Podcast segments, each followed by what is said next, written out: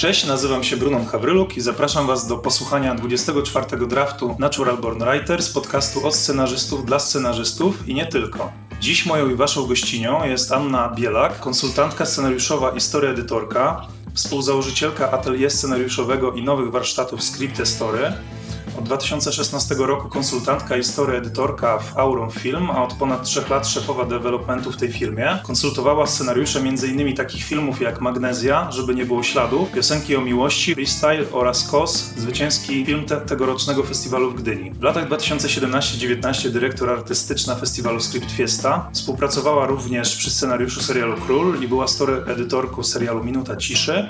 Natomiast w styczniu tego roku zadebiutowała jako scenarzystka, pisząc z Łukaszem Światowcem scenariusz komediowego filmu Na Twoim miejscu. E, Cześć Aniu. Cześć, dzień dobry. Bardzo się cieszę, że przyjęłaś zaproszenie do mojego podcastu. Bardzo dziękuję, że zostałam zaproszona do takiego fajnego podcastu. Wiesz co, bo jak już tutaj wspomnieliśmy o tym filmie Na Twoim miejscu, to od razu e, chciałbym zacząć od takiego pytania. E, No bo po około 9 latach pracy jako konsultantka, w końcu sama masz film ze swoim scenariuszem i takie trochę podchwytliwe pytanie, czy uważasz się teraz za pełnoprawną scenarzystkę? No to ja ci zadam podchwytliwe pytanie w drugą stronę, odbiję piłeczkę. Aha. A co to jest pełnoprawny scenarzysta? Chociaż kto to jest, przepraszam. Wiesz co, to jest w sumie coś, co będę chciał się też później zapytać o to, ale faktycznie no, pełnoprawny scenarzysta, osoba, która jest wpisana jako w metryce i dostaje tantiemy. Na to wciąż Eee, czekam.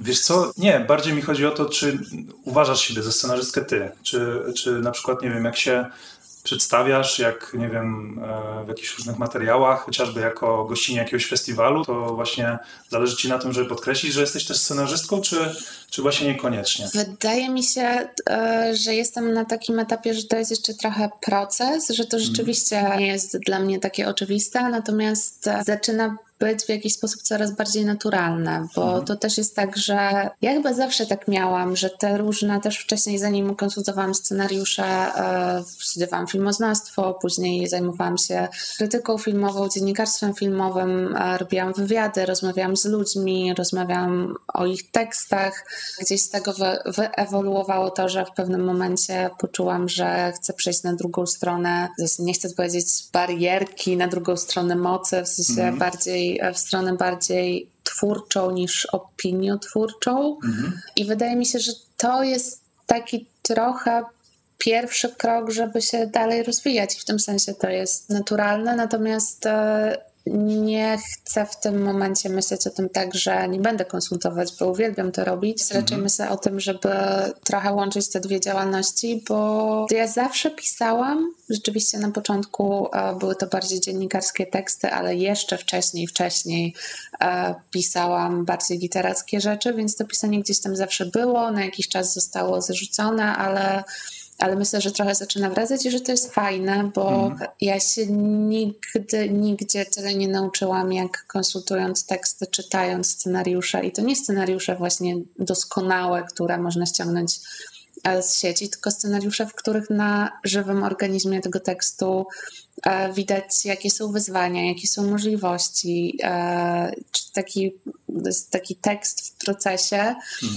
I to jest gdzieś naturalne chyba, przynajmniej w moim przypadku, że ten proces wchodzi we mnie i że, i że ja też jakby zaczynam tak myśleć, zaczynam sama kombinować. Wiadomo, w momencie, kiedy konsultuję tekst, jeszcze pewnie o tym porozmawiamy, ale no, nie jestem script doktorem nie ch- i nie chcę być, e, nie chcę przepisywać e, za scenarzystów ich tekstów, natomiast siłą rzeczy pojawiły się jakieś tematy, które ja też chciałabym jakoś poprocesować, porozwijać. No i myślę, że żeby też zachować jakąś higienę pracy, e, powinnam to robić na ewentualnie swoich tekstach. No, żeby zachować higienę pracy, jednak umieć rozróżnić to, kim jestem i w jakiej się pojawiam roli w pokoju w danym momencie. Mhm. Powiedz mi właśnie, czy, bo z tego co mówisz, to wynika, że w sumie chcesz dalej w to iść i masz jakieś swoje kolejne pomysły na scenariusze, jeśli mogę spytać? No ja oprócz, e, w ogóle oprócz na Twoim miejscu, e, gdzie to był w ogóle pomysł e, Łukasza Światowca i też to, było, to był tekst, który trafił do mnie przez TVN, więc, e, więc ja w zasadzie dołączyłam do rozwijania pomysłu, który przyszedł z zewnątrz, ale rzeczywiście jakoś tam odnalazłam siebie, bo inaczej nie byłabym w stanie pisać. bo to jest też dla mnie ogromna różnica. Myślę, że konsultować mogę wszystko, Mhm. bo zawsze mogę się ustawić w pozycji e, naiwnego widza. To jest fajne, bo obcuję tylko z tekstem i mogę rzeczywiście autentycznie z emocji i serca powiedzieć: Nie rozumiem tego przebiegu, bo nie mam nadwiedzy w danym Mhm. temacie. I jest duża szansa, że wielu widzów też nie będzie rozumiało, więc, więc zaczynamy pracować. To jest nawet lepiej.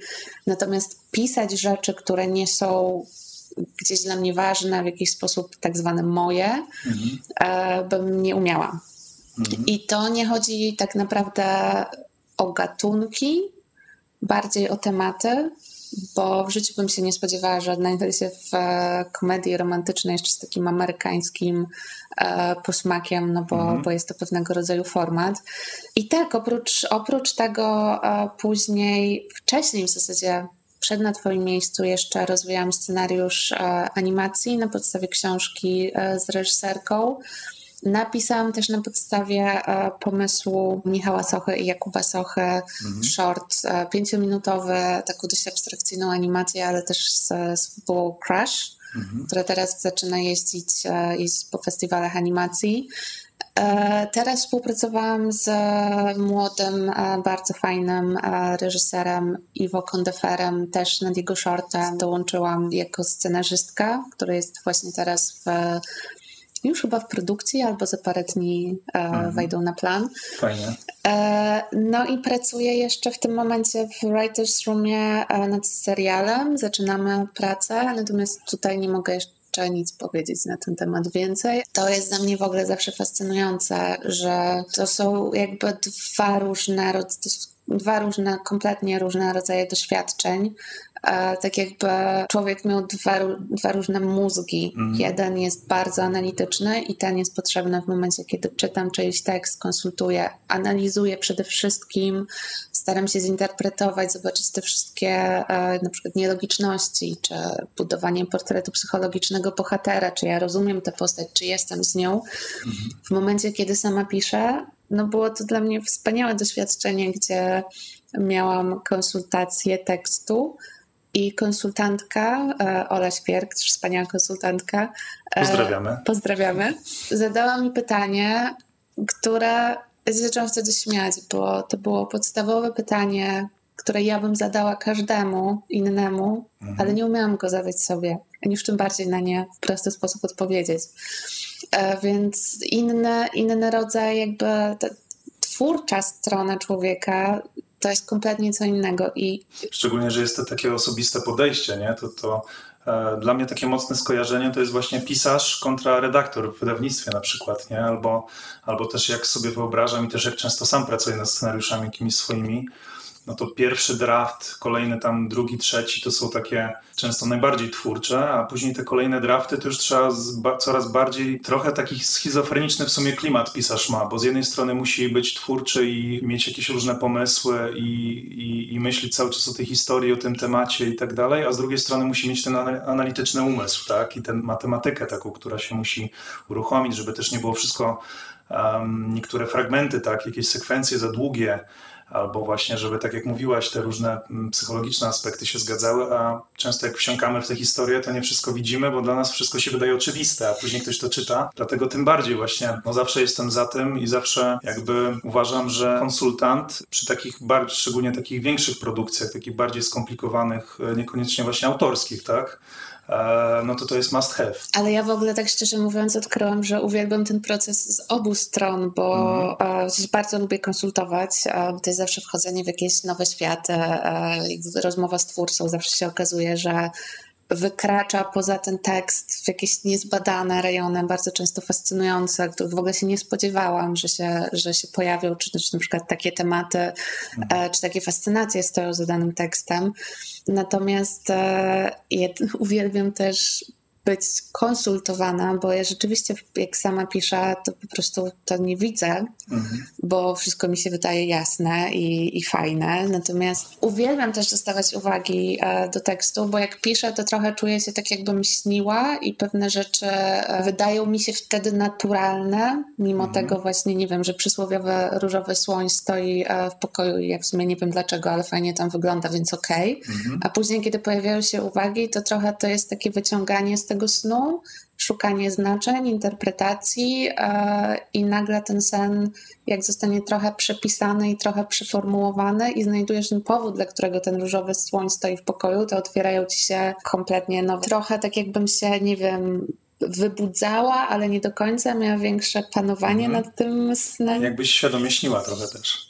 To jest tak, to jest, W to sensie, jest super. Jak no. słucham tego właśnie, jak o tym opowiadasz, to, to mi się to bardzo z tym kojarzy właśnie, no, że pisanie jest takim rodzajem snu właśnie, w który wsiąkamy, wpadamy i tracimy trochę taki ogląd tej rzeczywistości, taki obiektywny, a w momencie, kiedy z kimś konsultujemy, kiedy z kimś mamy e, jakieś lustro, z kimś, z kim możemy odbić piłeczkę i zobaczyć właśnie, jak to wygląda z innej perspektywy, no to trochę tak jakbyśmy właśnie uczyli się świadomie śnić albo coś takiego, nie?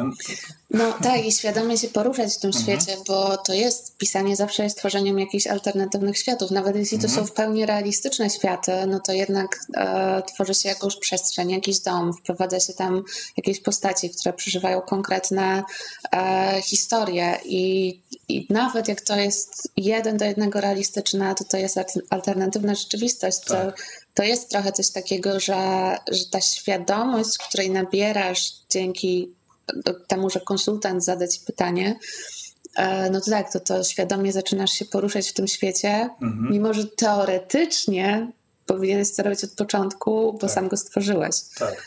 Chociaż tutaj też e, myślę, że do tego jeszcze przejdziemy, że żeby to tak wyglądało, jak opisujesz, to też musi być zaufanie z dwóch stron, szczególnie ze strony autora, autorki, bo chyba nie zawsze tak jest, nie? Ale to w sensie nie chodzi mi o to, że e, nie ma zaufania takiego, że coś jest nie tak z konsultantem, tak, czy konsultantką, tylko że właśnie my autorzy, my scenarzyści często jesteśmy tacy, że no kurczę, to jest moje dziecko, tutaj ktoś mi każe zmieniać, nie?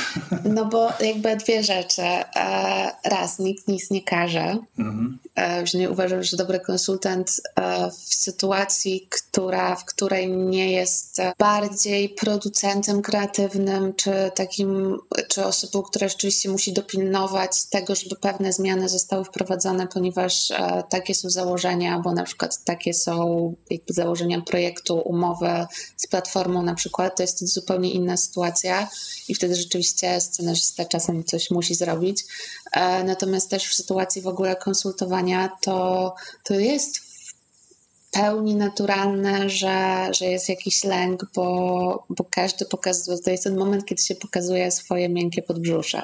Mhm. E, I zawsze jest lęk, że ktoś tam wbije jakby nóż, wywierci dziurę i pójdzie do domu. Pamiętam, jak, e, jak w ogóle zaczynałam konsultować i byłam też na takich warsztatach w Berlinie, jakby na dwóch, e, dwóch rodzajach warsztatów, bo najpierw na e, Script Circle Mhm. prowadzonym, to były warsztaty weekendowe e, prowadzone przez Franca Rodenkirchena i Françoise Von Roy.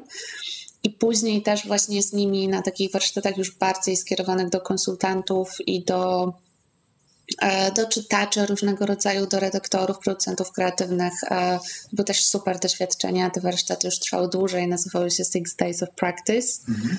To tam pamiętam bardzo mocno, że rozmawialiśmy o tym, że konsultant, żeby zbudować to zaufanie i żeby, e, żeby rzeczywiście scenarzysta poczuł się w jakiś sposób bezpiecznie, e, musi na początku coś z siebie dać. I to jest, e, to jest kluczowe, żeby zbudować tę wspólną przestrzeń porozumienia. I, I my to rzeczywiście tak robiliśmy na początku, że konsultant jest lustrem. I nie wiem, czy byłam kiedykolwiek w stanie robić to tak wspaniale, jak właśnie Franz, Françoise, ale oni rzeczywiście, czytając tekst, opowiadali bardzo szczegółowo i chyba łatwiej mi jest czasem tak pisać analizy, e, ale opowiadali, oni pamiętam, opowiadali bardzo szczegółowo o tym, co jest w tekście, co oni czytają, jaką widzą postać, co, jakie mają oczekiwania względem tej podsta- postaci, wyłącznie na podstawie tego, co daje tekst. Mhm. Jakie ta postać, ta sytuacja, e, ten przebieg wzbudza w nich uczucia. e, Gdzie oni są w tej historii, z kim oni są w tej historii. Czyli bardzo mocno trzymając się wyłącznie litery tekstu, budowali ten świat przed scenarzystą po to, żeby scenarzysta mógł się w nim przejrzeć i zobaczyć, czy to jest świat, który on rzeczywiście chciał zbudować, czy na przykład pojawiają się inne emocje, których on nie założył. czy ona, czy, czy jakieś inne interpretacje, które trochę idą bokiem w stosunku do tematu filmu.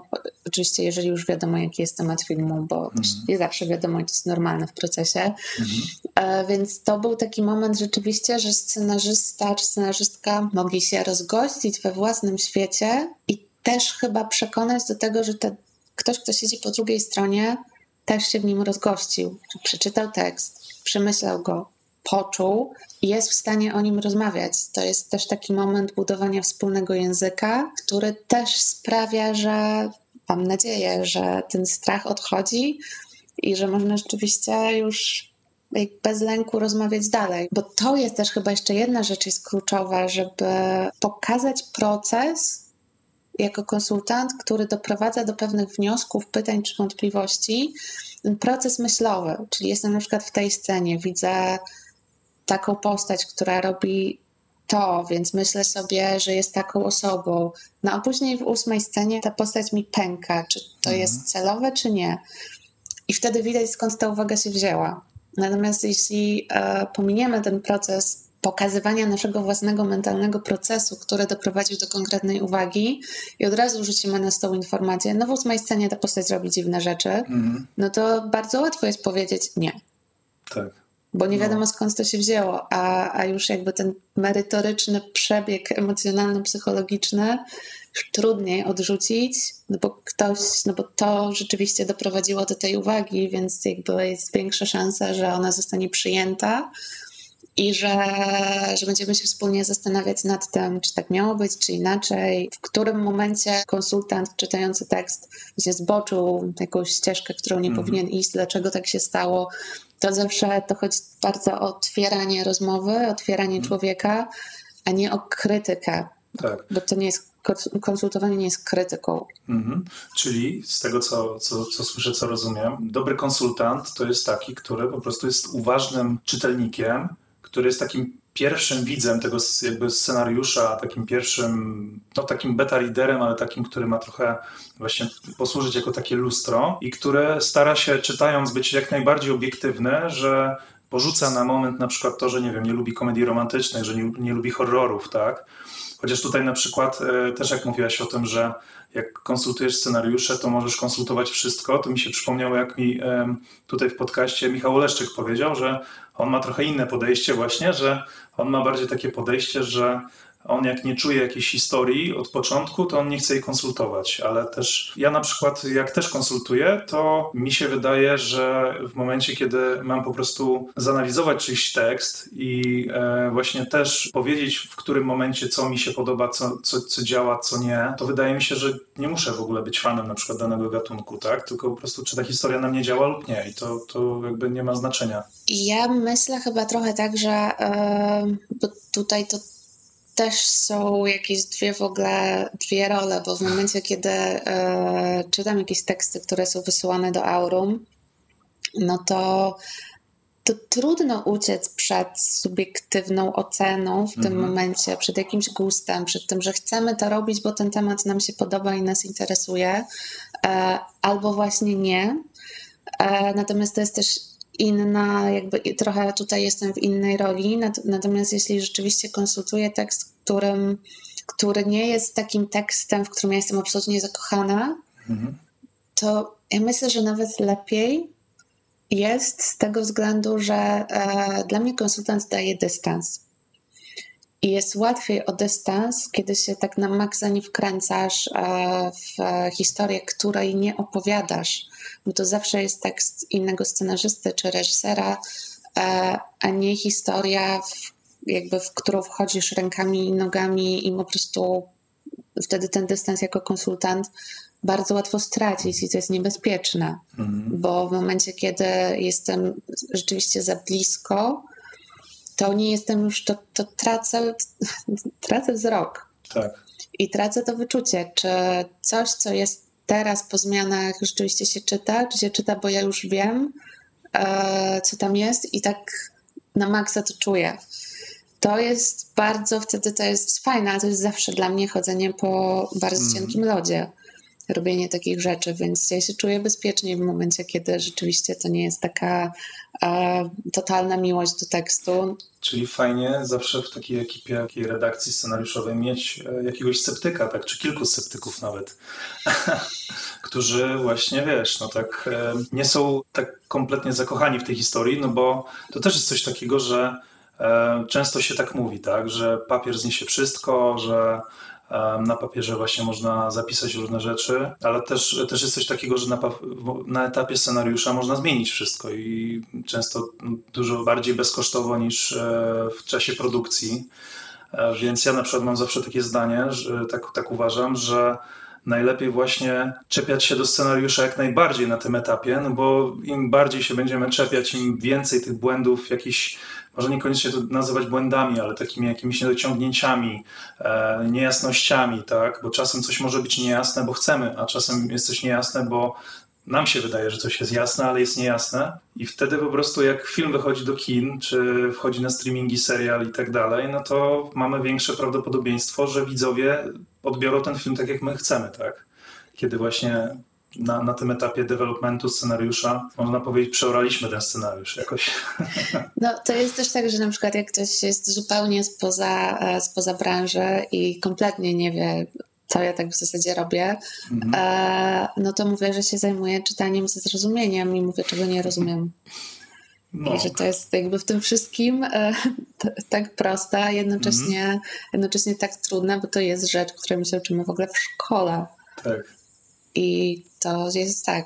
Ale to jest, to jest, to jest właśnie, wiesz, idealne, idealne określenie tego, tego e, zawodu, bo w sumie to jest już zawód, profesja i u nas w Polsce to coraz bardziej się profesjonalizuje.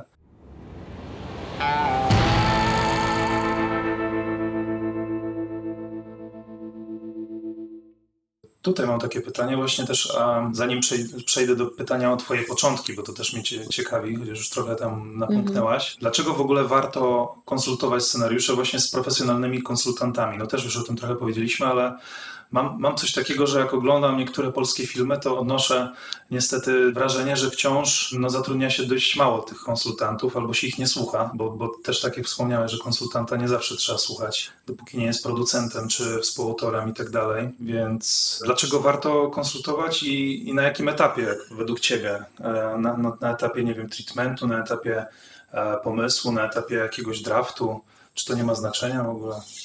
Wydaje mi się, że to ma spore znaczenie, kiedy rzeczywiście zaczyna się konsultować. Natomiast e, powiem tak, że trzeba jednak już chociaż mniej więcej wiedzieć, o czym się, o czym się chce opowiadać, bo w momencie, kiedy tekst jest na absolutnie zbyt wczesnym etapie i tak naprawdę nie wiadomo do końca, kto jest bohaterem, jaka jest, o czym ma być historia e, i na poziomie tematu, i na poziomie plotu, no to bardzo łatwo dać się poprzyciągać w różne strony różnym ludziom i zgubić mm. w tym, co się chciało samemu opowiadać.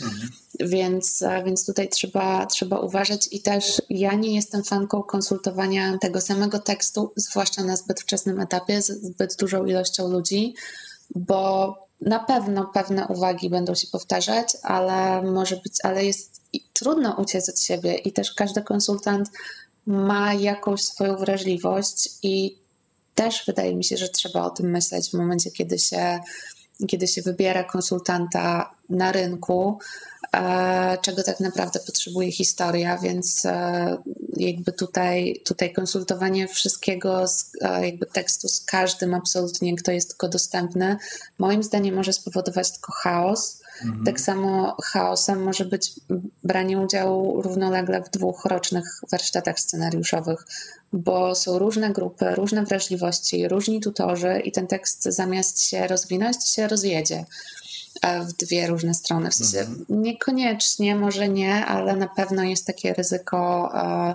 bardzo duże.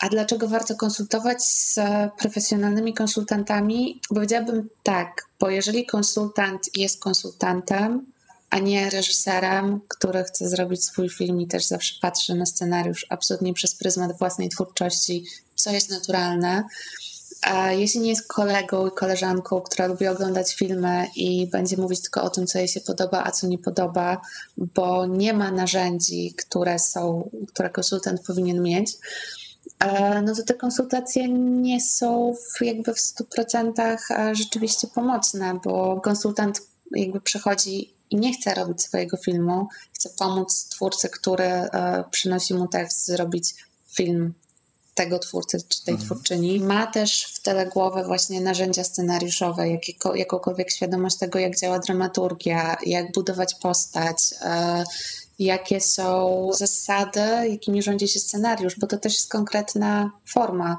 i to też jest rzemiosło. Ja na przykład tak mam, że e, to też jest ciekawe, natomiast uważam, że te wszystkie narzędzia dramaturgiczne, one muszą być, ale ja do nich nie sięgam, na przykład jak rzeczywiście konsultuję tak z marszu, bo trochę, trochę to tak jest, e, przeczytałam ostatnio, że dobry śledczy ma teorię, ma metody, ale jak nie ma intuicji i doświadczenia życiowego, to zazwyczaj na nic mu się te metody nie zdają. Mhm. I to jest coś takiego, co sobie pomyślałam, że o tym, o, to, to w sumie dokładnie tak samo myślę o konsultacjach, mhm. E, bo ja na początku, e, przez to, że nie byłam w szkole filmowej i nie studiowałam scenopisarstwa, miałam bardzo duże poczucie, że intuicja mi nie wystarczy. A na początku rzeczywiście bardzo mocno gdzieś e, pracowałam poprzez intuicję, więc później zrobiłam szereg warsztatów, żeby mieć takie poczucie, że, że ja znam te e, że znam teorię, że mhm. mam te narzędzia, że umiem się nimi posługiwać, że, że mam wszystko przeczytane, nauczone. I koniec końców e, zawsze wracam do swojej intuicji w pierwszej kolejności. Mhm. Więc to jest, to jest trochę, trochę jakby w tym sensie podobne i wydaje mi się, też tak obserwując e, i swoich kolegów i, i swoich nauczycieli, że to jest trochę coś takiego, że konsultant wychodzi poza swoje ego, ale korzysta ze swojej intuicji i z tych wszystkich narzędzi dramaturgicznych, które gdzieś tam ma w tyle głowy, żeby pracować nad, na to, żeby tekst, który do niego przyszedł, działał, a nie żeby ten tekst mu się podobał. Mhm. Bo to mogą być Super. równoznaczne rzeczy, ale wcale nie muszą, bo w momencie, kiedy jakby ja też jedno kino lubię bardziej, inne mniej, natomiast właśnie dlatego przy konsultacjach to nie ma dla mnie znaczenia, czy to jest e, mój ulubiony gatunek, bo ten tekst ma działać i ten film ma działać, bez względu na to, czy jest e, horrorem, kryminałem czy komedią. Wiesz co, e, też chcę Ciebie o to podpytać, bo mam wrażenie, że dalej tak jest, że nie do końca wszyscy, często też w branży, rozróżniają te funkcje. I często na przykład do mnie się ktoś odzywa i prosi o script doctoring, a jak głębiej rozmawiam, to się okazuje, że chodzi o konsultacje na przykład albo współpraca scenariuszowa często jest właśnie mylona, więc spróbujmy sobie może zdefiniować właśnie script doctoring, czym się różni od konsultacji, współpraca scenariuszowa i jakbyś mogła powiedzieć story editing, bo to jest w sumie coś takiego dla mnie przynajmniej nowego. Całkiem niedawno o tym usłyszałem i w sumie nie wiem, czym się ten story editing różni na przykład od jakiejś koordynacji scenariuszowej czy takiego kierownictwa literackiego, bo też się pojawiają takie określenia. To może od story editingu zacznijmy. To ja bym chyba wolała zacząć od rzeczywiście od konsultacji, bo okay. story editing będzie wtedy łatwiej, mm. łatwiej zrozumieć, wydaje mi się, w kontekście, bo okay. gdzieś dla mnie te różne role i funkcje są bardzo mocno rozróżnialne też z tego względu, że ja zawsze chcę wiedzieć, co robię. Mm.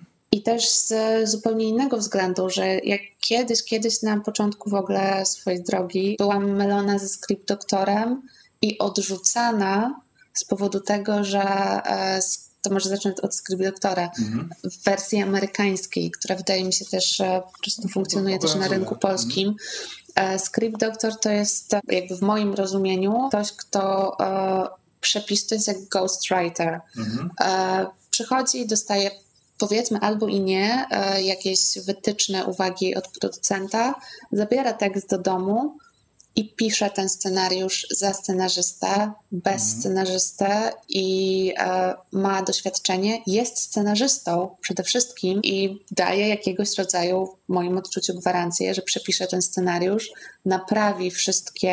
E, no powiedzmy, że błędy, które się w nim mhm. pojawiały, napisze tę historię lepiej niż scenarzysta, no i też dostanie za to odpowiednie wynagrodzenie, a na końcu się nie podpisze. Mhm. A nie e, podpisze się nawet jako script doktor? Bo tak y, miałem, miałem wrażenie, że mi w paru filmach na film polski mignęło właśnie, że było gdzieś tam Script Doctor. No to pytanie wpisane. jest, co ta osoba tak naprawdę robiła, bo No. moim zdaniem Script Doctor to jest bardziej ghostwriter i tacy ludzie Tak. się nie podpisują. Dlatego też ja mm, jakby nie chciałam nigdy tego robić.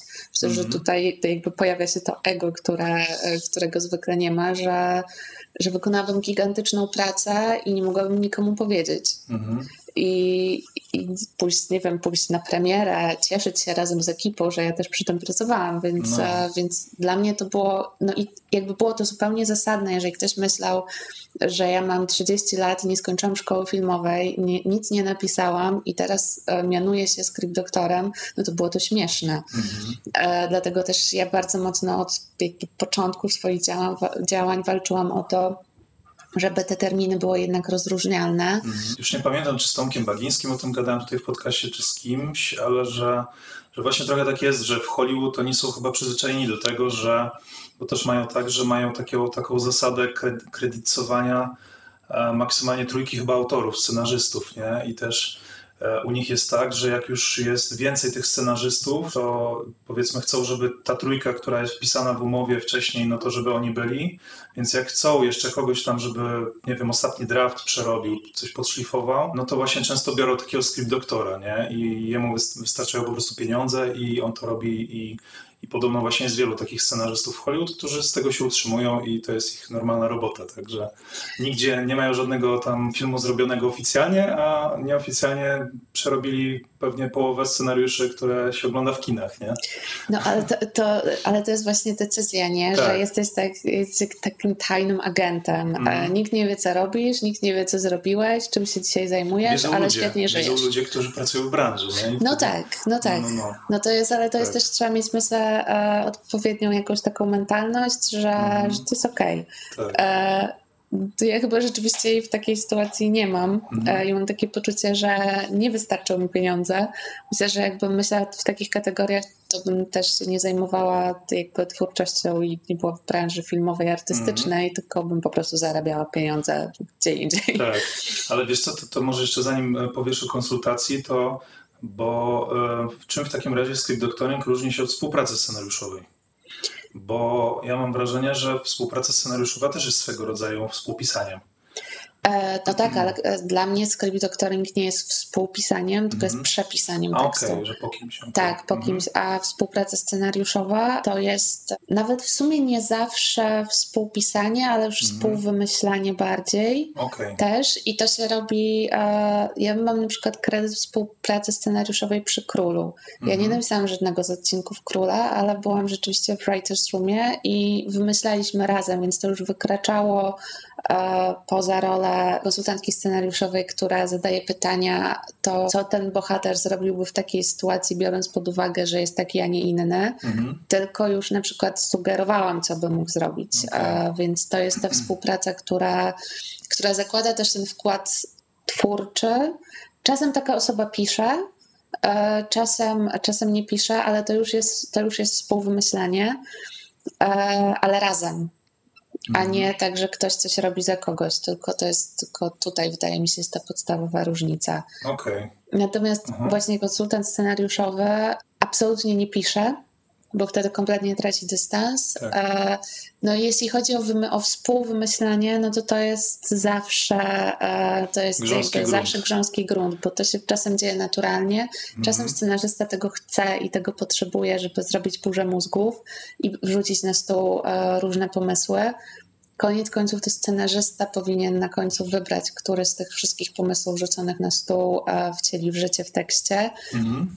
No, konsultant przede wszystkim czyta, zadaje pytania, jest właśnie tym lustrem, które interpretuje, e, czyta nowe drafty, e, właśnie bada logikę przyczynowo-skutkową, e, konstru, skonstruowan- jakby jak jest skonstruowana postać, czy wiadomo jaki, jaki rzeczywiście dokąd dąży, jaki ma cel, jakie są motywacje, więc to jest bardziej właśnie osoba analizująca i zadająca pytania, czasem pokazujące, że, że jakiś wątek albo jakaś sekwencja się rozpada, interpretująca to, co jest, e, więc jakby tutaj zawsze jakby na końcu po takim spotkaniu scenarzysta zostaje z tymi informacjami, wątpliwościami, sugestiami, czasem też pomysłami, ale Mhm. scenarzysta idzie do domu i, i pisze.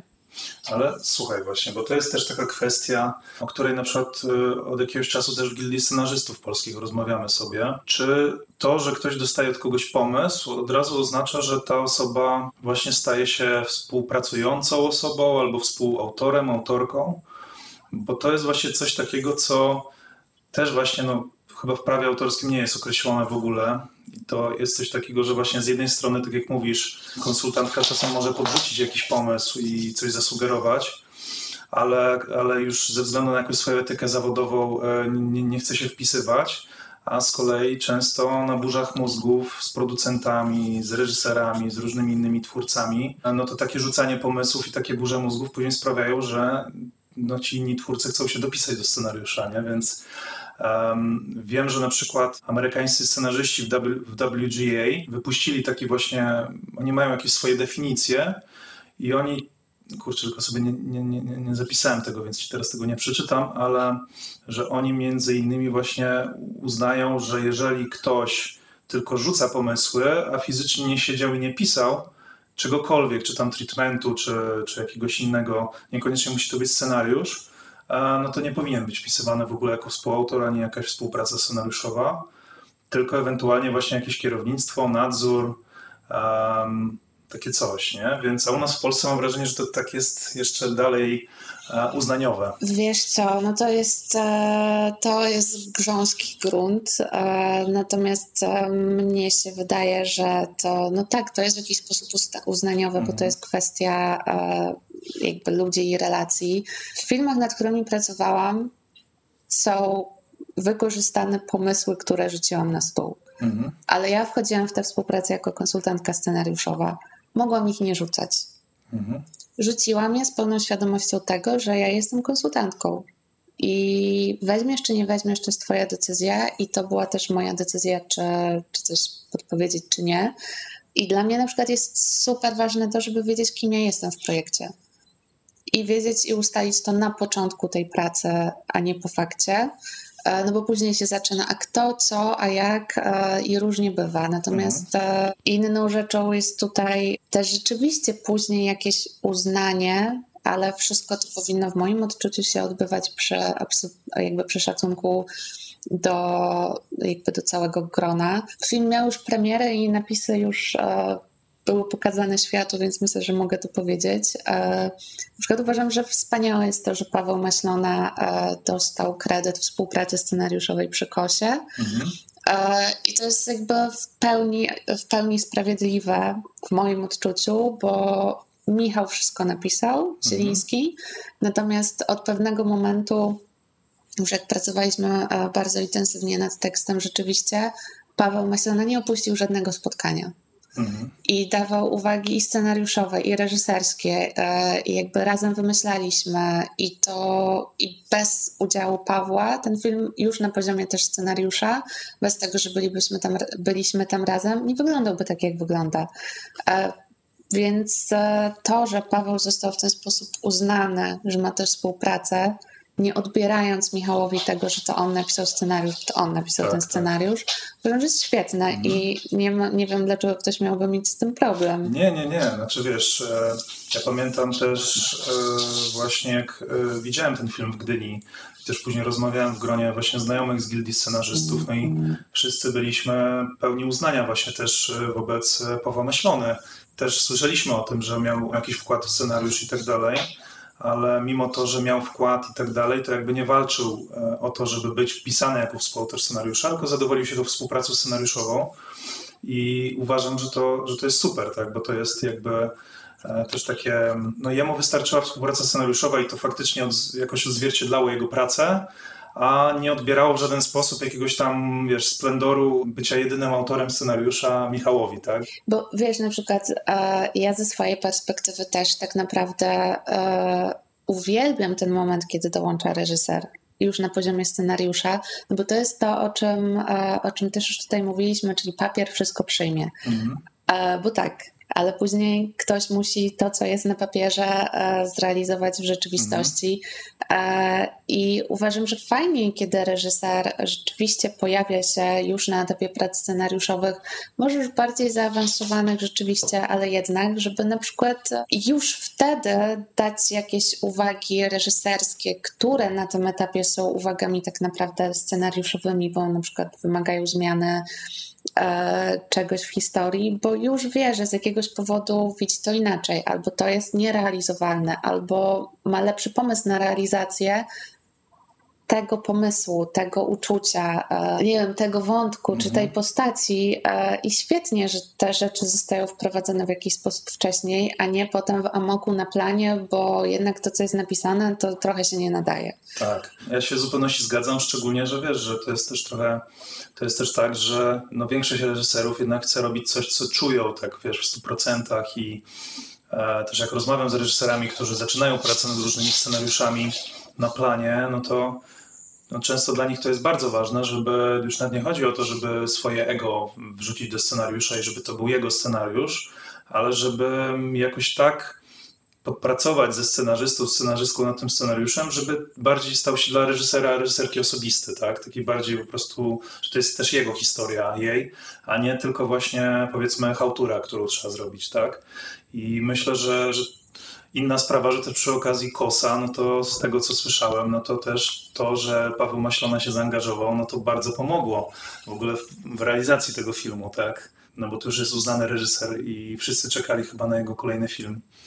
E, więc e, wiem, że próbował też e, chyba zrobić inne filmy, które mu nie wychodziły, tam między innymi Lubiewo, tak? E, pracował nad czymś takim i w końcu właśnie zrobił Kosa na podstawie tego scenariusza, więc super. No, to, jest, to jest też tak rzeczywiście, że moim zdaniem może paradoksalnie trochę scenarzyści bywają w dużo lepszej, e, debiutujący scenarzyści mhm. w dużo lepszej pozycji niż debiutujący reżyserzy na przykład, mhm. bo jednak napisanie scenariusza wymaga dużo mniejszych nakładów finansowych e, i łatwiej zaufać, e, zaufać scenarzyście i nawet i wydać jakieś pieniądze na rozwój tego tekstu, ponieważ wiesz, są to relatywnie małe pieniądze w stosunku do tego, ile kosztuje realizacja całego filmu, gdzie już liczymy te kwoty w milionach. Mhm, tak. E, I trudniej wtedy na przykład zaufać temu, że dajesz komuś jako producent e, kilkanaście milionów na film, kto nigdy nie zrobił czegoś, co jest dłuższe niż 10 minut. Tak.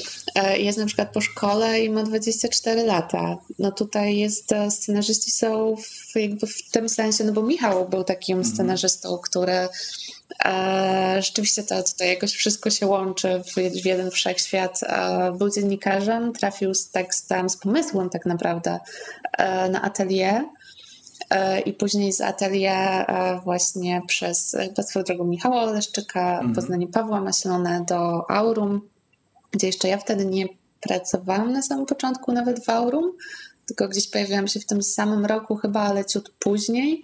No to już ileś e... lat to się ciągnęło w takim razie, nie? No ja zaczęłam tak. pracować w Aurum we wrześniu 2020. Aha. I Ale... był jednym z pierwszych projektów, nad którym rzeczywiście Aha. tak Ale wcześniej w Aurum też pracowałaś chyba jako konsultantka, tak? Tylko, tak, ale tak okay. E, dorywczo bardziej, dorywczo okay, bardziej okay. tak. Mhm. Więc, e, więc to się wszystko jakoś fajnie połączyło, no ale no tak, Michał był e, dziennikarzem z wieloletnim doświadczeniem, mhm. a nie scenarzystą. Natomiast e, uważam, że to, czym on się zajmował jako dziennikarz, zajmował się historią, ekonomią, trochę też chyba polityką, zresztą sam na pewno kiedyś ci opowie. Mhm. E, I to, że miał taki zasób wiedzy, też bardzo dużej historycznej, e, spowodowało, że ten film e, jest jaki jest, bo dla mnie też to jest kluczowe i że scenarzysta musi mieć zrobiony research i wiedzieć w temacie, jakby wiedzieć o czym opowiada, bo inaczej to jest trochę tak jak dziennikarz, który skończył dziennikarstwo, ale nie ma hobby, pasji, czegoś, co go interesuje, e, bo wtedy ma narzędzia, ale nie ma o czym pisać. Więc Michał akurat łatwiej, powiedziałabym tak, łatwiej zdobyć wiedzę na temat narzędzi i warsztatu, niż zajarać się jakimś tematem, jeżeli go nie masz w sobie. Mhm. A Michał miał ten temat w sobie i poszedł e, na warsztaty. Potem spotkał e, i Pawła, i Leszka Bocaka, mhm. e, i mnie. Pracowaliśmy później wszyscy razem nad tym, żeby ten jego pomysł e, wyrzeźbić on to zrobił, zrobił to wspaniale, bo przeszedł tę drogę i rzeczywiście jakby teraz ten warsztat mam poczucie ma w małym palcu. Natomiast to jest klucz to była jego szkoła scenariuszowa, jego debiut, debiutancki scenariusz był jego szkołą, tak, filmową. Ale myślę, że to jest też coś takiego, że e, scenarzysta musi być otwarty. Mhm. Że jak ktoś opowiada swoją historię, jest totalnie zamknięty właśnie na konsultacje, na uwagi, na to, że czasem większą prawdę się zyska wchodząc głębiej w fikcję, a nie trzymając się faktów. Mhm. E, I właśnie chęć i taką, bo to też jest, e, to też jest super ważne w tej pracy, entuzjazm, żeby kolejny raz to przepisać, mhm. bo to jest tak. też w jakiś sposób naturalne, że ten entuzjazm opada, no bo ile można. Ale myślę, że to też e, właśnie wszystko to naprawdę zależy od tego, w jakich relacjach jesteśmy z producentami, z konsultantami, z reżyserem i tak dalej. E, I wszystko też zależy bardzo, tak mi się wydaje przynajmniej, że e, dużo też bardzo ważny jest język i nastawienie wszystkich osób, tak, że jeżeli podchodzimy do stołu i siadamy i rozmawiamy o kolejnym drafcie scenariusza, i scenarzysta albo scenarzystka wyczuwa po prostu taką trochę, nie wiem, jakąś złość ze strony, nie wiem, producenta czy kogoś, że zrąbałeś ten draft, zrąbałaś i że coś, a zamiast po prostu traktować to jako proces i że czasem faktycznie może komuś się gorzej napisze jedną scenę albo e, kilka nawet, może całą sekwencję ktoś e, skrzani e, i się nikomu nie podoba, ale to nie znaczy, że jest gorszym autorem, tylko mógł mieć gorszy dzień albo właśnie tak wsiąk, wsiąkła ta osoba w tę historię, że tego nie widzi i, i, i wystarczy właśnie tylko na spokojnie o tym porozmawiać. Więc wydaje mi się, że właśnie um, im lepsze są te relacje, im takie spokojniejsze podejście, albo właśnie ta pasja, o której mówisz, że wszyscy gramy do tej jednej bramki, że wszystkim nam zależy na tym samym, tym ta motywacja chyba jest zawsze wyższa i nie opada tak szybko, myślę. No, mogę powiedzieć tylko tak. E, tak, no to jest, e, to jest super ważne, żeby ten e, język komunikacji był nieprzemocowy, ale konkretny. Mhm. I to jest, to jest chyba tutaj jakby czasem trudność znalezienia, e, jakby znalezienia tego, tego języka, jak, e, jak opowiadać, żeby nie zabolało, żeby nie skrzywdzić, ale żeby jednak powiedzieć, że ta scena jest naprawdę fatalna i jest bez sensu i nie wiadomo o co chodzi i, trzeba, i burzy nam postać, a krzywdzi ten wątek, trzeba ją zmienić koniecznie, żeby to powiedzieć w takich słowach, żeby to nie brzmiało tak, jak powiedziałam to teraz. Tak, no właśnie. Kurczę, wiesz co, bo tak patrzę na te moje pytania i chciałem cię spytać o twoje początki, ale już gadamy godzinę, więc trudno, no, jeśli chodzi o strukturę tej rozmowy. A, a nie powiedziałam jeszcze, co to jest story editor. A, okej, okay, okej. Okay. To no dodać, nie? Tak, no to... Wmontujesz? E, nie, jasne, to, to powiedz, powiedz. E, to e, kończąc chyba jeszcze na tym, na tej roli może trochę rzeczywiście najmniej rozpoznanej jeszcze, e, kim jest story editor. Mhm. E, dla mnie jakby tutaj nie będę się zabijać o to, że to jest absolutna definicja, bo też e, słyszałam różne definicje, natomiast dla mnie stary edytor jest gdzieś jasną funkcją różniącą się od wszystkich, o których już rozmawialiśmy, bo story edytorem, e, ja na przykład byłam przy minucie ciszy i to jest taka funkcja, gdzie ja e, nie, do, nie powiedziałabym, że byłam konsultantką nawet e, z tego względu, że nie dyskutowaliśmy o wszystkich postaciach, o wątkach, scenarzysta z reżyserem e, pisali w zasadzie to sami i wtedy funkcja story edytora polega na tym, żeby ktoś jednak rzeczywiście z zewnątrz to przeczytał, sprawdził, czy przebiegi się zgadzają, e, czy jest ta logika przyczynowo-skutkowa, czy jest dystrybucja informacji, która naraz powoduje, że e, buduje się napięcie, ale jednak wiadomo o co chodzi, Mhm. więc jest to bardziej już rzeczywiście takie powiedziałabym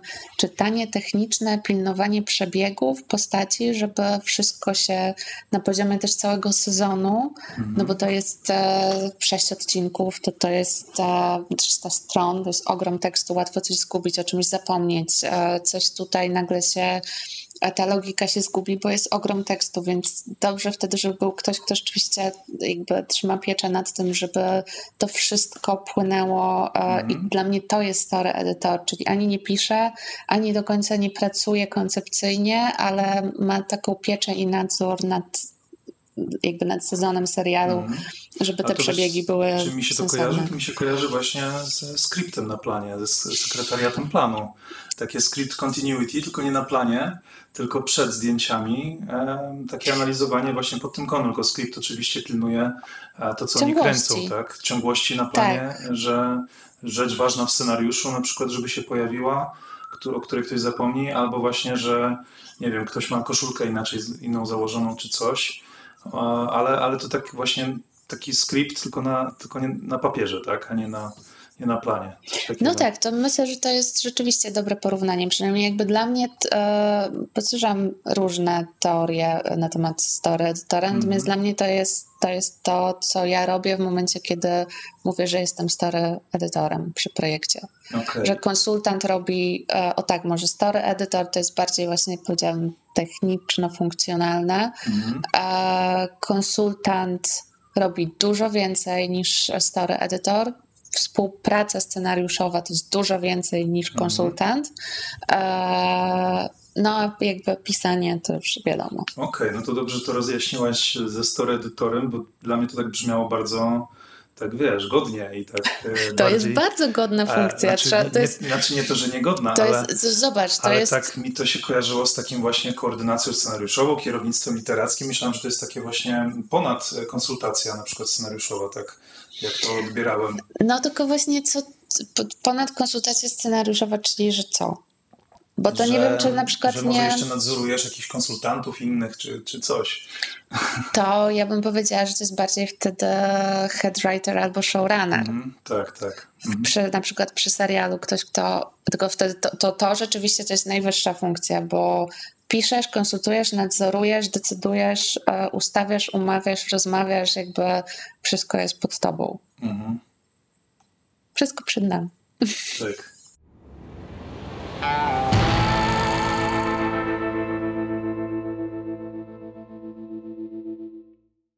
Mm.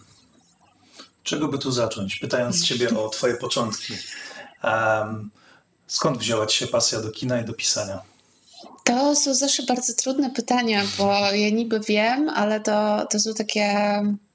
To są takie chyba małe elementy, które się poskładały w całość. I jakbym miała tak naprawdę sięgać głęboko, głęboko i daleko, e, to, e, to jest może ładna historia. To pamiętam, że jak byłam mała, ale tak w sensie, nie wiem, czy chodziłam już do przedszkola, może. Miałam pewnie jakieś tam, nie wiem, może chodziłam 5-6 lat. E, to pamiętam, że e, brałam wszystkie krzesła z domu i ustawiałam je przed telewizorem e, w takie dwa czy trzy rzędy. Zmuszałam rodziców, a zwłaszcza mamę, żeby oglądali ze mną filmy. I pamiętam, że na przykład z mamą oglądałam westerny, siedząc tak na tych krzesłach. Pamiętam też, że wtedy jakoś niedługo, czy jakoś w tym okresie pojawiło się w domu pierwsze wideo, e, bo to był, e, to był początek lat 90. e, I rodzice moi też nie do końca znali się na kinie, więc wypożyczali co było. I na przykład w bardzo wczesnym wieku obejrzałam takie rzeczy jak Dziecko Rozmery O, razem z nimi. E, Natomiast już e, miasteczka Twin Peaks e, nie mogłam, ale oglądam z bratem na przykład z Archiwum X. Robiliśmy to potajemnie, ale rzeczywiście zawsze to kino, czy no, kino, powiedzmy, że kino, nie myślałam o tym jako o telewizji, filmy bardziej może, rzeczywiście były czymś, czymś takim, co powodowało ekscytację różnego rodzaju od jakby od e, małego. I rzeczywiście później też było tak, że kolejna rzecz, taka chyba transformacyjna i też taka anegdota, która do tej pory mnie dość e, bawi. E, wybudowano pierwszy supermarket w Zamościu, skąd pochodzę, mhm. e, więc żeby przyciągnąć tam klientów, były nagrody. Jak się zrobiło zakupy powyżej jakiejś tam kwoty, to, to, były, to można było wrzucić paragon i potem było losowanie nagród. No i wygrałam telewizor. Mhm. I pamiętam, że poszłam na, te, na to rozdanie nagród, wróciłam do domu i powiedziałam, że wygraliśmy telewizor i że ktoś musi ze mną pójść, bo ja go nie uniosę. I byłam też wtedy dzieckiem jeszcze. I rodzice mnie wyśmiali, że jak telewizor wygrałaś. No naprawdę wygraliśmy, w sensie wylosowali nasz paragon. No i od tego też później się zaczął, nikt nie chciał tego telewizora, więc ja go dostałam do pokoju. No i wtedy też już zaczęłam sama też oglądać różne rzeczy.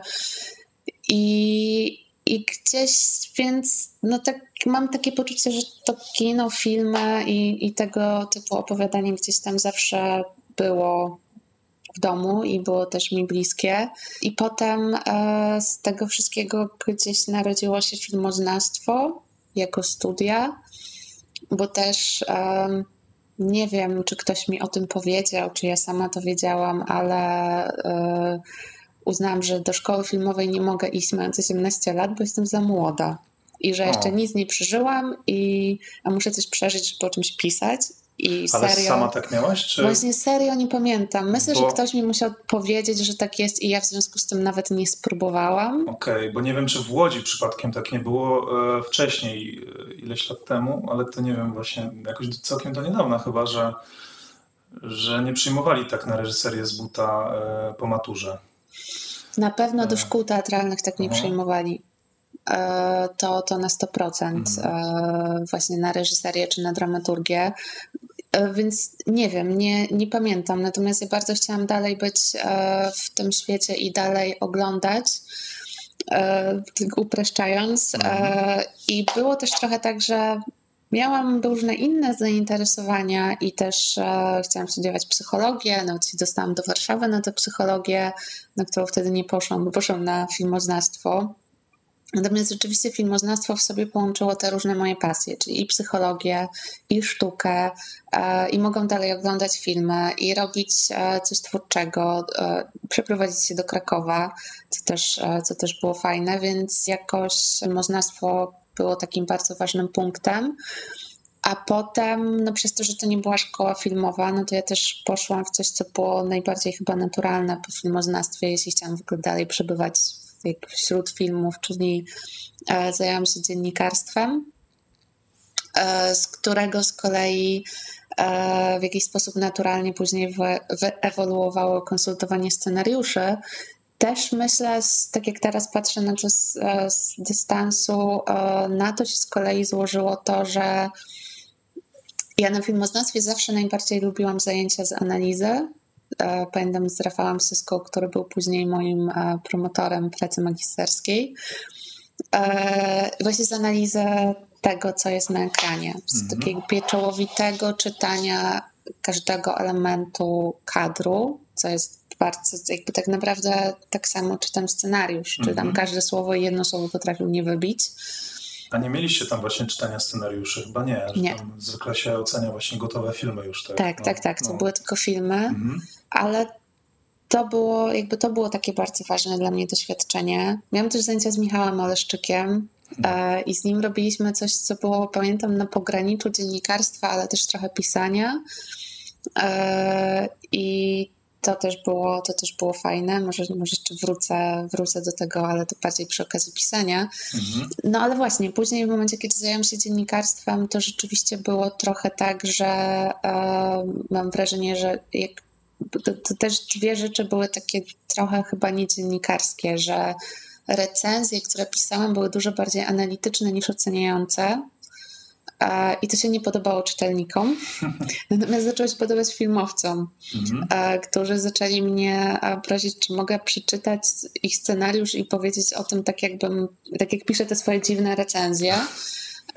No a drugą rzeczą było to, że ja też właśnie nie do końca lubiłam pisać recenzje i, i umiałam się odnaleźć w takiej oceniającej formie, natomiast bardzo lubiłam robić wywiady i rozmawiać. Mhm. I to robić wywiady, w którym rzeczywiście obejrzałam film i, i chciałam zawsze zadawać takie pytania wychodzące ponad typowe pytanie, skąd wziął się pomysł, jak się pracowało z aktorem, tylko bardziej właśnie takie pytania na temat, na temat historii, na temat postaci, na temat interpretacji tego filmu. E, I gdzieś, i to też e, jakby myślę bardzo mocno wpłynęło na to, że w jakiś taki może dość gładki sposób zaczęłam przechodzić do tej drugiej branży i rozmawiając z twórcami i znając ich, i oni znając mnie, wiedząc, że rozmawiam chyba jakoś trochę inaczej yy, i piszę te dziwne recenzje. Yy, I kroczek po kroczku rzeczywiście zaczęłam czytać scenariusze rozmawiać z twórcami. Czyli to w sumie nie wyszło od ciebie, że to ty chciałaś zostać tą konsultantką, tylko że bardziej to oni się zaczęli do ciebie odzywać, przynajmniej na początku, tak? Trochę tak było, mhm. mnie się to bardzo podobało. Mhm. Natomiast ja pamiętam taki moment, w którym poczułam, że ja chcę zostać konsultantką scenariuszową, e, i to był mój pierwszy warsztat e, właśnie w Berlinie. Mhm. E, to był taki warsztat weekendowy, gdzie były cztery projekty: Franz, François i ja, bez projektu, właśnie jako taka ucząca się konsultantka. I spędziliśmy razem dwa dni rozmawiając o tych tekstach, o filozofii, o sztuce, o psychologii, o człowieku, o problemach, o tematach, w takim naprawdę gronie fajnych ludzi. Wszyscy byli w tę rozmowę turbo zaangażowani, no bo rozmawialiśmy o ich tekstach. Mhm. E, I oprócz tego jedliśmy ciastka, chodziliśmy po Berlinie i to było tak absolutnie wspaniałe doświadczenie, że pomyślałam, że tak mogłoby wyglądać moje życie. Doznałam, że nie chcę innego. Brzmi wspaniale. No I, to, I to rzeczywiście był taki moment, że jakoś dużo rzeczy mam poczucie, że wskoczyło, rzeczywiście to poczułam, że wskoczyło na swoje miejsce. No a później tych różnych opcji konsultowania tekstów było tak dużo, że, że przestałam mieć czas na dziennikarstwo. Przestałam w ogóle pisać jakieś dłuższe teksty, zostało mi już tylko robienie wywiadów, bo, bo tego najbardziej było mi szkoda zostawić, tych rozmów z ludźmi.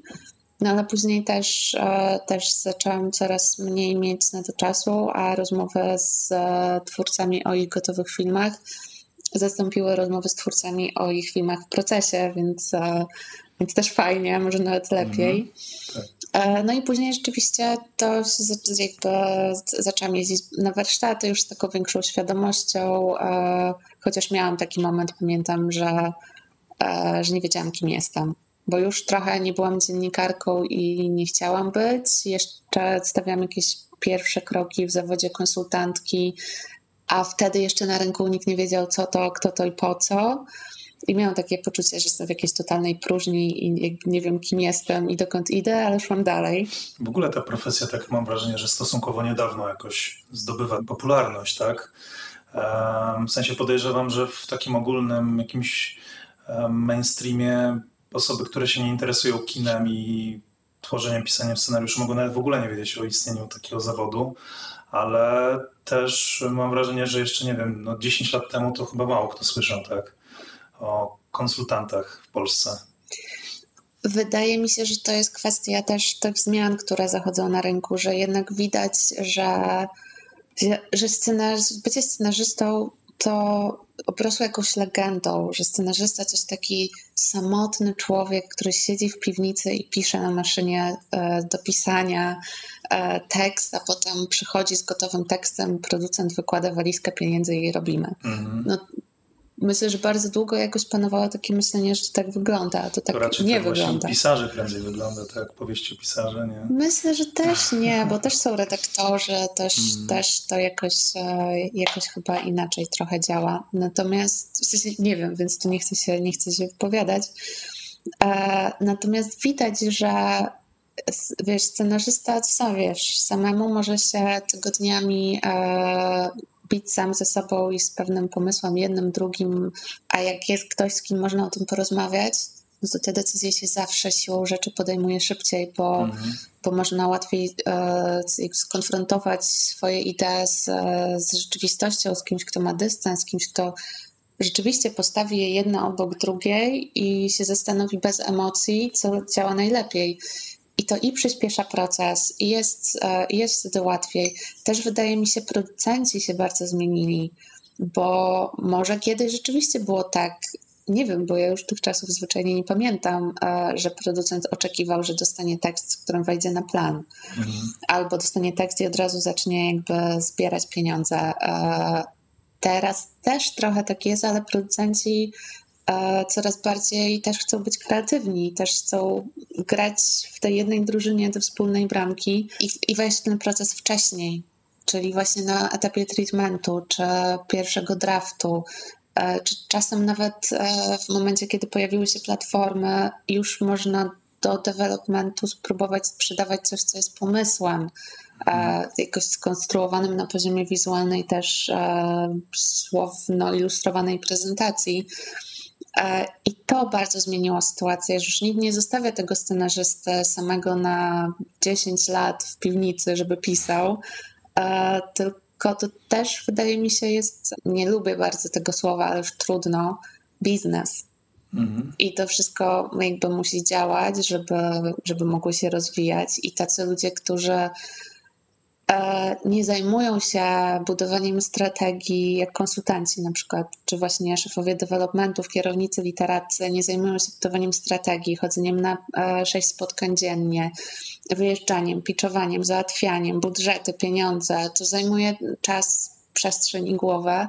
I rzeczywiście to są ludzie, którzy mają ten czas, przestrzeń i głowę, żeby usiąść i spędzić kilka godzin e, czytając tekst, a potem rozmawiając z twórcą, no, okazają, ok, okazują się niezbędni w tym, że słowa ekosystemie, mhm. e, żeby, żeby to wszystko działało e, i żeby to działało w miarę równolegle.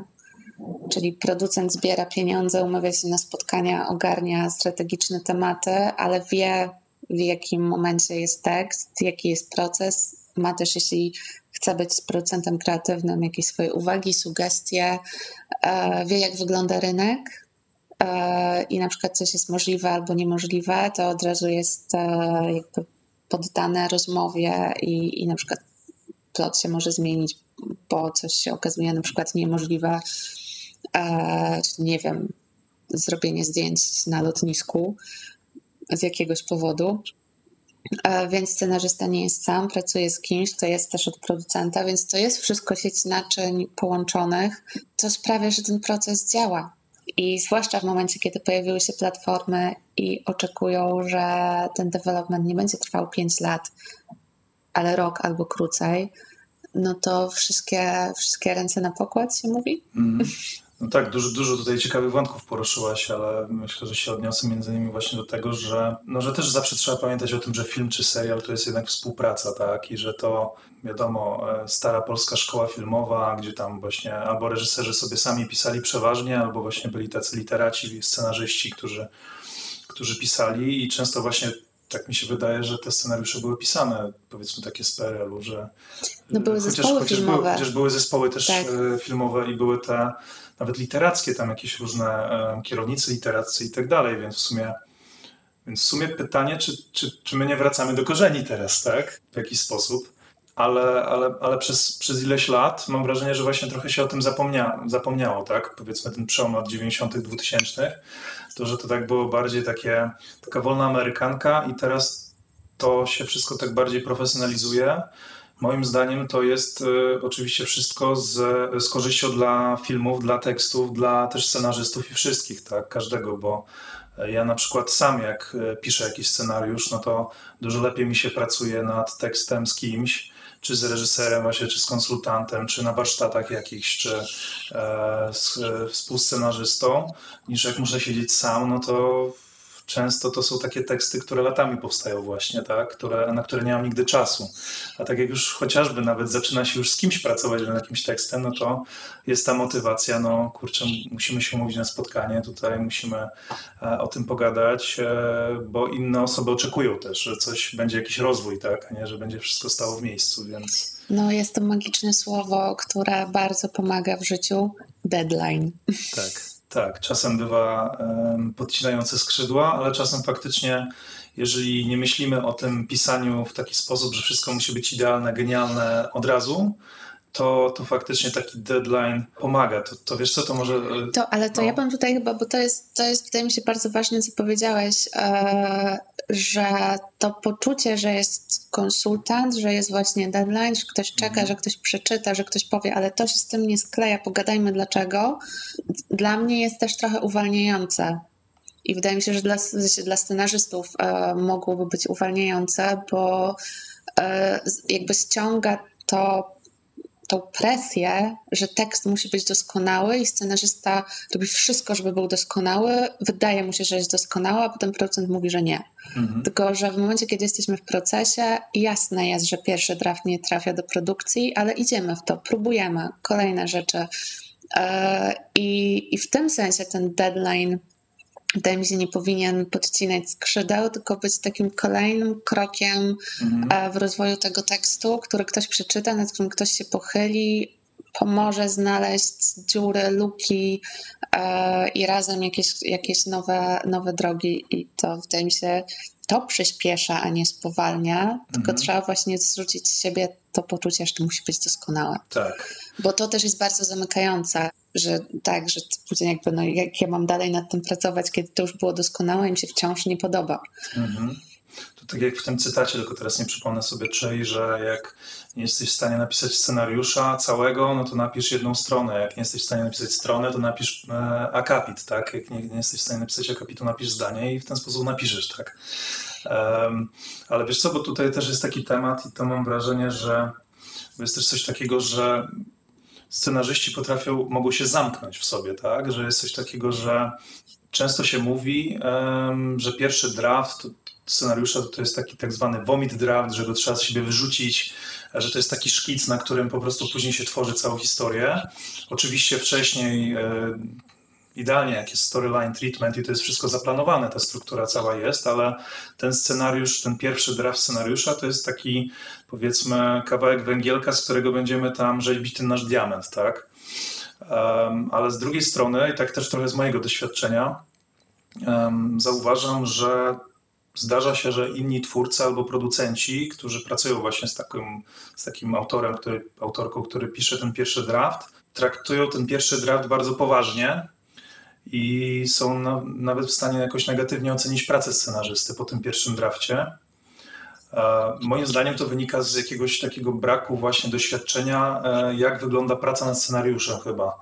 Bo e, wydaje mi się, że w sytuacjach tak, jak, jak taka, w takich, jak jest dużo takich sytuacji, to scenarzyści mogą mieć później taką lekką paranoję, lekki taki lęk przed wypuszczaniem na światło dzienne tego pierwszego draftu, kiedy nie mają tego poczucia komfortu, że nie będą od razu, że ten tekst, pierwszy draft nie będzie traktowany jako ten najlepszy, e, wiesz, ta najlepsza wersja scenarzysty, nie? że jego stać na więcej, ją stać na więcej, tylko na początku chce z siebie wypluć tę historię, a dopiero później w niej rzeźbić, nie? Chociaż też podejrzewam, że różne podejścia mają różni scenarzyści, tak? Że jedni piszą e, trochę inaczej, inni inaczej, tak?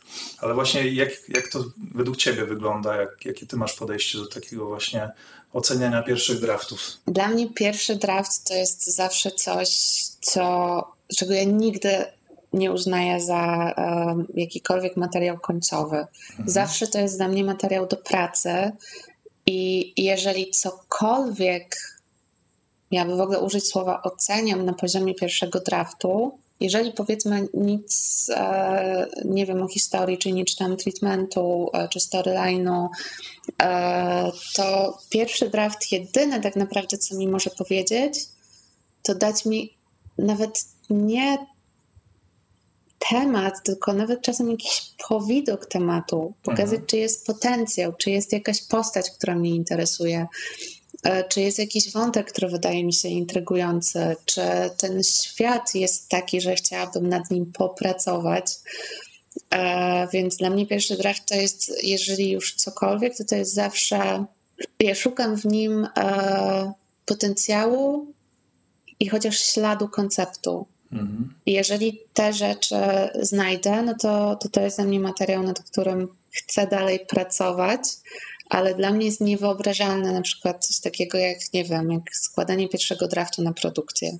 Mhm. No bo, no bo to, to jest, dla mnie to jest utrata potencjału, czegoś, co można by było rozwijać. Co można, w czym można było się naprawdę jakoś rozgościć i, i zbudować świat i ludzi i, Ale to pytanie, historię. ale to pytanie, wiesz, to w takim razie na, na którym, przy którym drafcie warto też powiedzmy produkcji, producentom pokazywać scenariusz i też domyślam się, że to też zależy od tego, jakie są relacje z producentem, czy go znamy lepiej lub mniej i też zależy od tego jakiegoś doświadczenia producenta, tak, tego literackiego takiego. Ale pokazywać producentom po raz pierwszy, czy już pro, czy, czy producentom, z którymi się pracuje nad tekstem? Wiesz co, jedno i drugie, e, no. Mhm. No to, no to tutaj też to, to zależy, jak działa firma. Mhm. Bo generalnie, jeżeli scenarzysta się umawia z producentem, tam nie wiem, na trzy drafty albo na pięć draftów, no to oczywiste jest, że każdy musi pokazać. Tak, tak. I pierwszy też, ale Mhm. oczywiste jest, że to jest pierwszy z trzech, albo pierwszy z pięciu, albo z sześciu, no to zależy na ile, e, na ile draftów opiewa umowa. I nie ma, w sensie, nie wyobrażam sobie tego draftu nie przeczytać, tylko, Mhm. e, tylko powiedzmy scenarzysta jest umówiony na pięć draftów i zobaczyć piąty. No kto uwagował, czytał, sugerował jakieś rzeczy Mhm. w pozostałych, no to, to jest e, jakby tutaj niemożliwe dla mnie. Natomiast jeśli chodzi o wysyłanie producentom, to myślę, że to też e, wszystko zależy od producenta. W Aurum jakby dostajemy teksty na różnym etapie, natomiast e, treatmenty są w pełni ok. Mhm. E, Ja też na przykład teraz z tego, z tego powodu, e, jakby powiem tę wiadomość światu, e, z tego powodu, że dostajemy naprawdę bardzo dużo różnych propozycji. e, Ja zaczęłam na starcie, też myślę, wynika to już z jakiegoś doświadczenia i z tego, że, że już jakoś trochę czasem wystarczy przeczytać one pager, e, żeby wiedzieć, czy to jest materiał, który e, jest dla nas e, jako dla firmy e, interesujące i czy chcemy e, czytać czy to treatment, czy scenariusz, e, co wymaga dużo więcej czasu i przestrzeni i też najzwyczajniej w świecie jest tak, że mając bardzo dużo e, projektów w bieżącym developmencie, w momencie, kiedy dostaję e, stustronicowy scenariusz od kogoś, kogo nie znam, to, to teraz już bardzo długo czasem trzeba czekać na odpowiedź. Mhm. E, Natomiast jeśli rzeczywiście dostanę one-pager i jestem w stanie po tym one-pagerze stwierdzić świetny koncept, Mhm. no to ja wtedy czytam ten scenariusz e, jakby dużo bardziej w pierwszej kolejności, bo już widzę, że tam jest coś, co jest dla nas jako firmy interesujące na przykład. I, I więc to, czy ktoś ma pierwszy treatment, pierwszy draft, czy ósmy treatment, albo nie wiem, piąty draft, dla nas trochę nie ma znaczenia, bo to jest zawsze wejście w jakąś współpracę. E, Nie zdarzyło się jeszcze tak, żeby ktoś wysłał scenariusz, który byłby gotowy. Mhm. A jak ktoś mówi, że ma gotowych pięć scenariuszy, no to trochę tak ciężko też w to uwierzyć. Mhm. Więc, e, więc każdy etap jest dobry. Myślę, że to jest, że każdy etap jest dobry, w którym scenarzysta czuje, że wie, o czym chce opowiadać i jest gotowy się podzielić e, tym tekstem. Okej. I każdy etap jest początkiem jakiejś dalszej pracy też. Mhm. No, to, to, to myślę, że to fajnie, jak jest świadomość po obu stronach, tak? Tego, że to jest zawsze proces i ten. I faktycznie właśnie to jest zupełnie inaczej, jak pracujesz już nad tekstem i masz powiedzmy jakąś umowę na kilka draftów, a zupełnie inaczej, jak wysyłasz coś nowego i jesteś, nawet się nie znasz e, z producentami i wysyłasz tak trochę randomowo, taki spec script.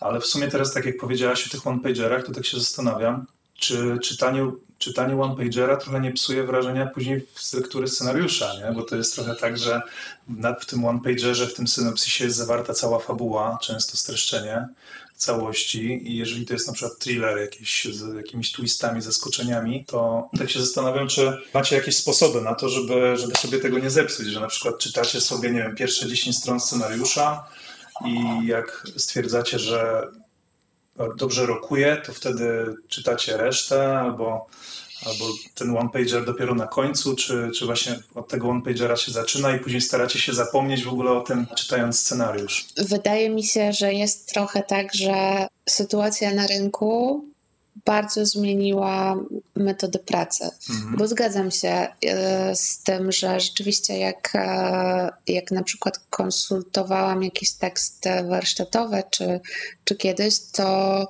nigdy nie czytałam, a już na pewno nie na starcie, wszelkich materiałów dodatkowych, czyli Mhm. eksplikacji, właśnie streszczenia, e, logline'u, tylko najpierw czytam scenariusz, żeby zobaczyć, co daje mi scenariusz, co rozumiem, czego nie rozumiem. E, Często później się okazywało, że się bardzo dziwiłam, jak po lekturze scenariusza przeczytałam na przykład właśnie synopsys i eksplikację i okazywało się, że to były kompletnie inne rzeczy niż ja wyczytałam, Mhm. bo to było znakomitym też podłożem już do jakiejś rozmowy, czyli, e, czyli to, jakby te różnice, skąd one się wzięły, czyli scenariusz z jakichś powodów nie oddaje tego, co chciał napisać e, twórca. Mhm. Natomiast e, to jest sytuacja warsztatowa, natomiast e, sytuacja rynkowa i w momencie, kiedy, kiedy to są teksty wysłane do firmy produkcyjnej, no to to jest trochę taki, najbardziej chyba bym to porównała do pitchingu. E, Dostaję trochę obrazków, dostaję właśnie główne informacje, koncept. Ja jestem fanką pitchingów e, i prezentacji projektów, na których wiem, e, czym ten film się kończy, bo wtedy wiem, o czym jest ta historia Mhm. i jestem w stanie powiedzieć, tak, to jest e, interesujące. No i wtedy czytam tekst, to jest już pewnego rodzaju wtórne doświadczenie, ale w momencie, kiedy, e, ale to pozwala też szybciej zdecydować, czy pracujemy nad tym, Mhm. e, czy nie, no bo, no bo to są już czasem miesiące czekania, jeżeli ktoś wysyła scenariusz, mówi dzień dobry, mam scenariusz, pozdrawiam. No tak, jeżeli jeszcze tych scenariuszy na te skrzynki pocztowe przychodzi bardzo wiele, każdy ma po 190, a niektóre tam 120-30 stron, to czytanie tego wszystkiego to faktycznie to by trwało strasznie długo. No właśnie, a No. też ja nie jestem fanką czytania 10 stron i, i odrzucania tekstu, bo, w moment, bo może być tak, że w tym tekście jest naprawdę świetny koncept Mhm. i trzeba nad tym pracować. I te pierwsze 10 stron w ogóle tego nie oddaje i nawet tego nie dotyka. E, więc e, no niestety w momencie, kiedy to jest ten, ten moment, kiedy mamy zdecydować, czy to jest dla nas historia, czy nie, to to jest zupełnie inna sytuacja też niż taka sytuacja warsztatowa.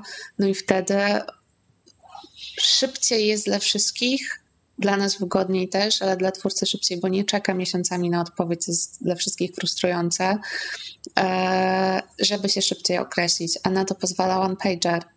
Mhm. I niestety tak to wygląda. Jeżeli, oczywiście, jeżeli ktoś by się uparł, nie wyślę one-pagera, tylko proszę przeczytać scenariusz, okej, tylko wtedy musi się uzbroić w cierpliwość Mhm. i czekać, aż przyjdzie ten tak zwany wolny dzień, e, kiedy będę mogła usiąść nad czymś, nad czym bieżąco nie pracujemy e, i sobie zobaczyć, e, co to jest na tych 120 stronach. Okej, ale a jesteś w tym względzie, bo też rozumiem, że teraz mówisz też trochę jak to wygląda w Aurum Film, tak? Że, że to jest w jakiś sposób tak e, restrykcyjne u was, że to musi być ten one-pager, a jeżeli ktoś wyśle synopsis na trzy strony, czy w sensie wiesz, bo na przykład e, jak rozmawiałem z Tomkiem Bagińskim, to on tak powiedział trochę takie moim zdaniem kontrowersyjne zdanie, trochę go próbowałem przekonać, że to nie do końca musi być prawda. E, On powiedział, że według niego jak scenarzysta nie potrafi, o ile dobrze pamiętam, mam nadzieję, że nie przekłamuję, że o ile, jeżeli scenarzysta dobrze potrafi napisać one pager, to dla niego jest sygnał, że scenariusz też będzie dobry. Ale ja na przykład mam takie doświadczenie, mam wrażenie, że streszczenie całej fabuły, szczególnie jeżeli jest bardzo skomplikowana, jakaś tam jest pełna zwrotów akcji, jest to jakiś kryminał, jakaś taka powiedzmy gatunkowa opowieść, a nie jakaś taka bardzo luź, luźniejsza historia, jakaś powiedzmy romantyczna, to takie historie um, familijna, no to takie historie chyba są prostsze do opowiedzenia w kilku zdaniach. A jeżeli to jest tak skomplikowana historia, to tak na jednej stronie to się ciężko strasznie zmieścić. No to e, w sensie to, odpowiadając na to, pierwsze, na, e, na to pierwsze pytanie, nie, oczywiście to nie jest restrykcyjne, że ma być równo jedna strona i koniec, bo inaczej nie czytam.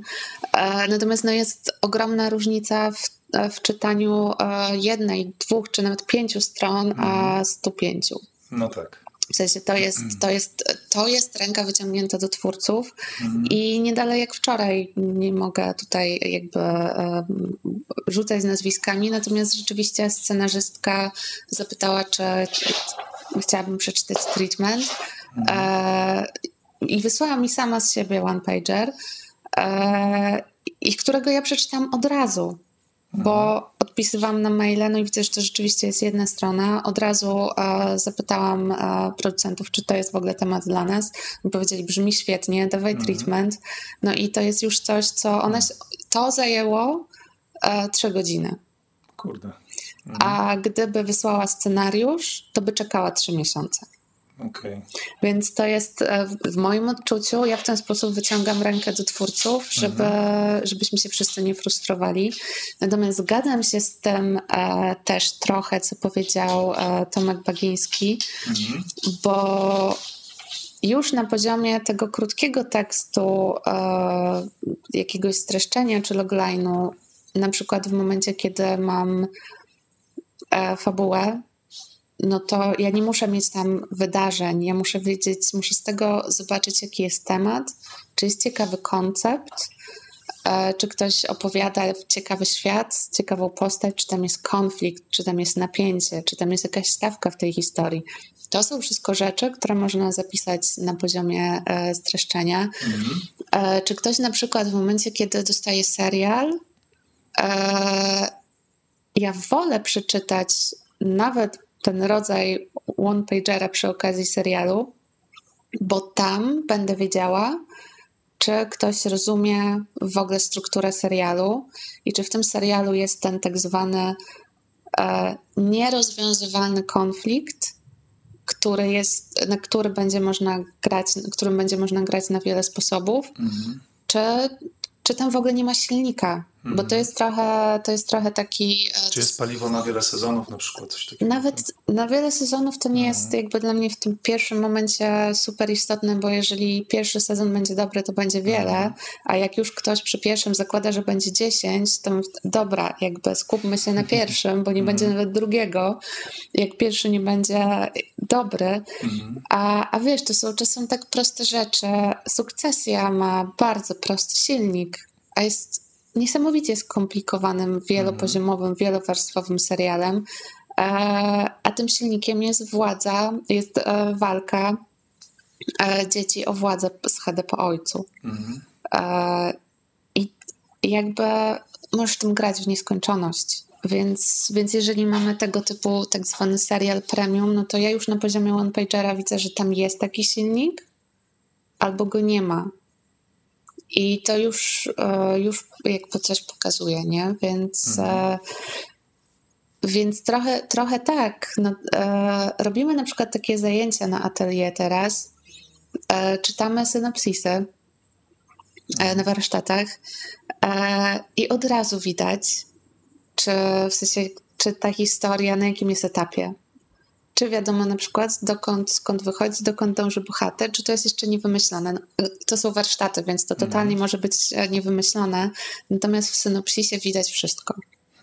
W momencie, kiedy nie jesteś w stanie napisać do logline'u ser- e, e, nie jesteś w stanie napisać logline'u do serialu, a w logline'ie zawiera się konflikt, no to nie masz tego. Mhm. I to są tak proste rzeczy i tak trudne rzeczy, bo ja myślę o tych narzędziach nie tyle jako narzędzia marketingowe, ale jako narzędzia dramaturgiczne. Bo to jest e, napisanie jednej strony w momencie, kiedy historia jest niewymyślona, jest nie do zrobienia. Napisanie jednej strony w momencie, kiedy historia działa, jest wymyślona, masz tego bohatera, przebieg, stawkę, piszesz spod palca. Tak. I to widać, to ja się tu zgadzam, że, że to bardzo widać i bardzo dużo można powiedzieć na podstawie tak krótkiego tekstu. A na ile uważasz na przykład, że w tego typu właśnie synopsisie, one-pagerze jest ważny styl, tak? W sensie taki jakiś, jakiś polot w tym języku, bo też jest coś takiego, że ciężko jest to ująć e, w tej jednej stronie i często właśnie, wiesz, scenarzyści próbują to jakoś streścić, tak? Więc siłą rzeczy później to jest takie, że to się czyta, ale to, to nie jest takie, wiesz, gładkie do czytania. Ale to nie jest literatura. Mhm. To jest bardziej materiał, który musi przekazać informacje. No i oczywiście musi być napisany gramatycznie i po polsku, stylistycznie, bez błędów.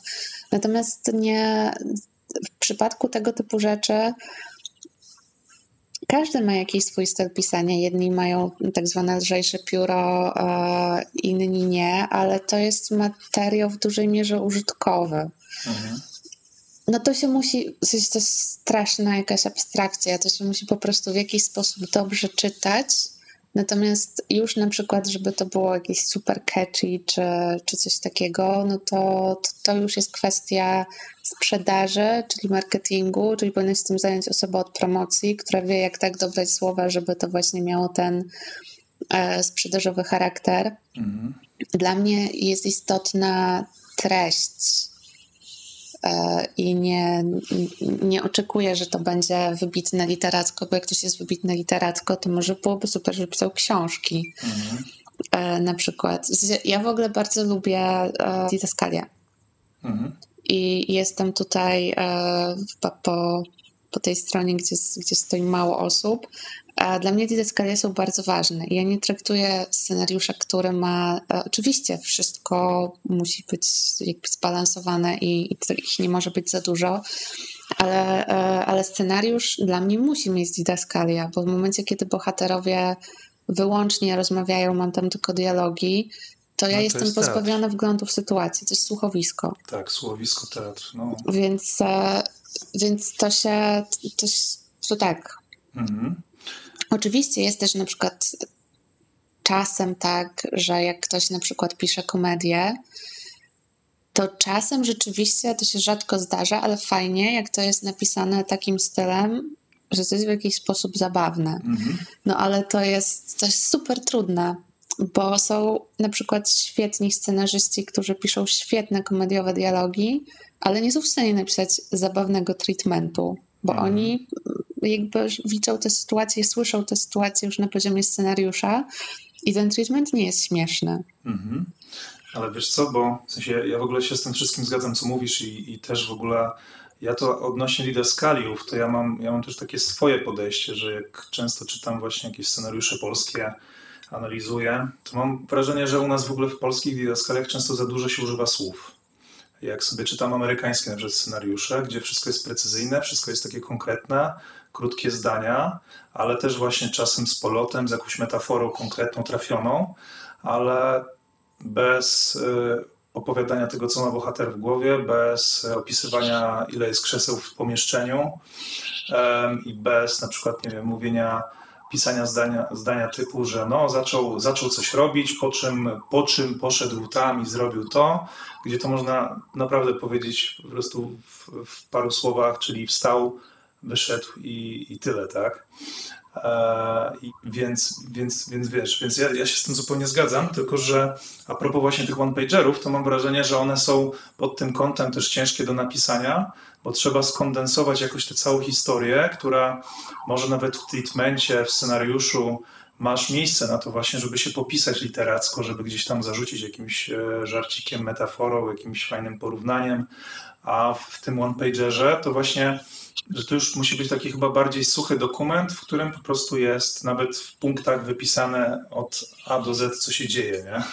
Wydaje mi się, że one-pagery to też jest przestrzeń na jakąś też fantazję. Wszystko można zapisać hmm. tak, że wiesz, czasem masz tak, że czytasz książkę, e, jedno zdanie ci zostaje w głowie i z, jakby z tego powodu chcesz ją przeczytać jeszcze raz. Hmm. Więc no to, to nie chodzi też o jakieś akrobacje, ale jak w historii coś jest, to to widać i to można pokazać od razu.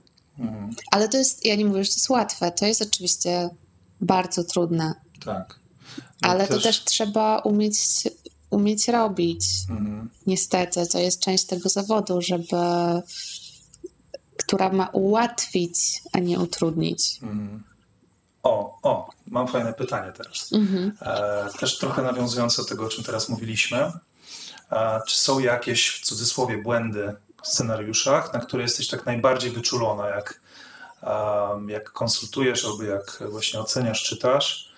E, ja na przykład mam coś takiego, że mnie rażą bardzo zbite akapity w didaskaliach. Jak już widzę po prostu, że jest ściana tekstu jak w powieści, to od razu już jakby mam takie, wiesz, pytanie, kurczę, przede wszystkim po co tyle literek, a po drugie, e, czemu tego nie można podzielić jakoś tematycznie, ujęciami i tak dalej. Więc, więc co, co u ciebie jest takie? Ale pytasz bardziej tak technicznie, czy treściowo? Jedno i drugie w sumie. Bo ja podałem taki techniczny przykład, ale to może być też coś, wiesz, może jakieś motywy, które się powtarzają mm. często w scenariuszach. No to technicznie tak naprawdę to jest, e, to jest jedna rzecz, która mnie, e, która bardzo od razu mnie źle ustawia do, do tekstu, który, który dostaję i to jest, no to jest niestety brak odpowiedniego formatu. Mhm. Bo mam poczucie, że to jest naprawdę najprostsza rzecz i można w ogóle nie umieć pisać, ale format trzeba znać. Mhm. I, I to nie jest tak, że trzeba mieć program za tysiąc dolarów, żeby właściwie sformatować scenariusz. Więc jak dostaję coś, co jest, e, co jest nie, niepoprawnie sformatowane, to, to mam rzeczywiście tak, i to jest niestety po, po, poza mną, że się od razu źle nastawiam. Że mam poczucie, że, że to będzie bardzo amatorskie, bo ktoś nawet nie zna formatu, co jest absolutną podstawą. Mhm. E, więc jakby to jest rzeczywiście coś takiego, czego ja bardzo nie lubię. A tu masz właśnie w tym formacie jakieś takie przykłady na przykład, takie rażące, bo ja na przykład ostatnio w jakimś scenariuszu widziałem taki zapis, że jest nagłówek i nie jest tam, na, na początku nie ma plener wnętrza, tylko jest od razu nazwa lokacji, później jest plener wnętrza i później dzień czy tam noc, nie? Mm -hmm. tak zupełnie zamienione i mnie to jakoś tak, na początku mnie to raziło, ale później jak przeczytałem to się przyzwyczaiłem, ale w sumie, kurczę, po co tak robić, skoro nikt tak nie robi, nie? Niektórzy chyba tak mają, że tak jak piszą scenariusz, może jeden z pierwszych, to może stwierdzają, że, że to nie jest tak istotne, że ważniejsza jest ta historia, ale jeżeli ktoś później to ocenia, kto czytał tysiące scenariuszy, to to jest takie coś, że od razu... To jest oczywiste. Tak, i że to przeszkadza też w lekturze trochę. Nie, no to ja mam bardziej na przykład tak, że, że takie teksty e, nie wiem, wysyłane w Wordzie, gdzie wszystko jest wyśrodkowane, albo e, dialogi są e, wyśrodkowane w jednej linijce, jakieś takie dziwne rzeczy, hmm. E, no to, to to pomijając to, no to to też jest tak, że w momencie, kiedy w ogóle później już się pracuje nad tekstem produkcyjnie, no to takiego tekstu nawet się nie da zmetrować, mhm. bo nie wiadomo jakby jak to się wszystko ustawi, to wszystkie strony się poprzesuwają, tak. więc to jest takie, że w od, od razu mam tak, że no nie, jakby nie, nie nastawiam się dobrze. Mhm. W momencie, kiedy już rzeczywiście konsultuję tekst, to, to zawsze bardzo jest dla mnie ważne, żeby, żeby sceny miały numery. Mhm bo łatwiej jest e, po prostu uwagować. Na przykład w scenie piątej to to i tamto, a nie, że w, w tam w dialogu na piątej stronie na dole. Mhm. No bo to, to wtedy jest takie, że nie wiadomo jakby jak się unieść, trzeba, trzeba jakby jest to bardzo utrudniające, no ale to są, to są takie techniczne szczegóły. Mhm. Myślę, że bardzo częstym tak naprawdę e, jakimś wyzwaniem e, jest, jest drugi akt, bo łatwiej już rzeczywiście napisać, e, napisać ekspozycję, e, chociaż też często się okazuje później, e, że w scenariuszu nie ma napięcia, bo nie wiadomo dokąd dąży bohater i dlaczego. Mhm. I to jest kluczowe, jeśli oczywiście jakby odkładam tutaj na bok e, filmy eksperymentalne i jakieś takie bardzo arthouse'owe rzeczy, w których e, bohater chodzi po lesie przez półtorej godziny i, jakby to jest pewnego rodzaju doświadczenie, które albo czujesz, albo nie i, mhm. i tam zupełnie jakby te wszystkie zasady nie, jakby nie mają racji bytu w, takich, w takim kinie. Natomiast w takim rzeczywiście bardziej klasycznym, no to, to, to to często się gubi, że w sumie nie wiadomo o co chodzi temu bohaterowi i po co. I to wtedy sprawia, że ten tekst nie ciągnie, mhm. że siada napięcie, że to się tak czyta, ale nie wiadomo po co i dokąd. Inną rzeczą jest rzeczywiście jest, jest ta kwestia, i to się przekłada też na drugi akt, że ten tekst się ciągnie, że nie wiadomo jakby dokąd dążymy, co na tej drodze i dlaczego spotyka bohatera. Mhm. Jeżeli w pierwszym akcie nie mamy takiego jasnego sygnału, co teraz będzie się działo w ogóle w tym filmie, tak? O co I nie, chodzi? Nie, I nie zadajemy sobie chyba pytania jakiegoś, na którego odpowiedź chcemy znaleźć, mhm. tego, e, tego e, tak zwanego pytania dramaturgicznego. Mhm. E, no bo wtedy nie wiadomo trochę dokąd dążymy. No bo to jest jakby, to jest też ta różnica między scenariuszem jako formą, a powieścią, gdzie ja na przykład uwielbiam powieści, w których ja nie wiem o co chodzi, dokąd dąży, bohater siedzi na kanapie i, e, i ma filozoficzne rozmyślania, natomiast, bo to mnie bardzo uwalnia ze struktury i z formy, natomiast scenariusz e, jednak jakąś formę musi mieć. E, i Ale wydaje mi się, że, że w takich gatunkowych powieściach właśnie kryminalnych, nie wiem, Agata Christie, no tak. to one są takie właśnie, wiesz, że jest ta zagadka, którą trzeba rozwiązać, No więc, tak, oczywiście. Więc, więc tam jest ten cel. Tak, no E, to, to ja bardziej myślałam o takich powieściach, które lubię czytać prywatnie, czyli nic Okej. się nie dzieje, bohater siedzi i myśli. E, natomiast drugą taką rzeczą też, e, która mi się kojarzy jako, jako często powtarzająca się, jest jakiś taki, która jest z kolei związana i też z budowaniem dramaturgii, napięcia, ale i z dystrybucją informacji, że często scenarzyści to chyba wynika z jakiegoś strachu, żeby, za, żeby za wcześnie, nie wiem, czy widz się nie domyślił czegoś, czy za wcześnie, żeby nie podać zbyt dużo informacji, co często się kończy tym, że w drugim akcie nic się nie dzieje, a potem pod koniec filmu e, pada 15 kluczowych informacji, Mhm. które są podane w takim natężeniu, że, że to jest tak, jak dos- byś dostał obuchem w głowę, że nie wiesz, co się dzieje, z której strony cię uderzają, po co. E, I wtedy to, co mogłoby być rzeczywiście rozparcelowane po całości prawie tego tekstu i trzymać widza i czytelnika ciągle w napięciu, zostaje wrzucone jako, jako bomba na koniec w zbyt dużej ilości twistów, e, właśnie jakichś rewelacji, odkryć, co powoduje chaos. I koniec końców jest tak, że coś fajnie się zaczynało, potem długo nic się nie działo, a na końcu nie wiadomo o co chodzi. Mhm. I, I jakby to jest kwestia też rzeczywiście konstrukcji, że to są takie rzeczy, że trzeba sobie pozwolić na to, żeby, żeby pewne fajne rzeczy sprzedać wcześniej. No bo, bo to tylko sprawi, że ten film po całości będzie ciekawszy. E, To jest trochę tak jak na przykład tak jak w serialu, że ja jest, stoję na stanowisku, że pilot musi zażreć. I na końcu pierwszego odcinka musi się wydarzyć coś takiego, że obejrzysz całość, albo już nie włączysz drugiego odcinka.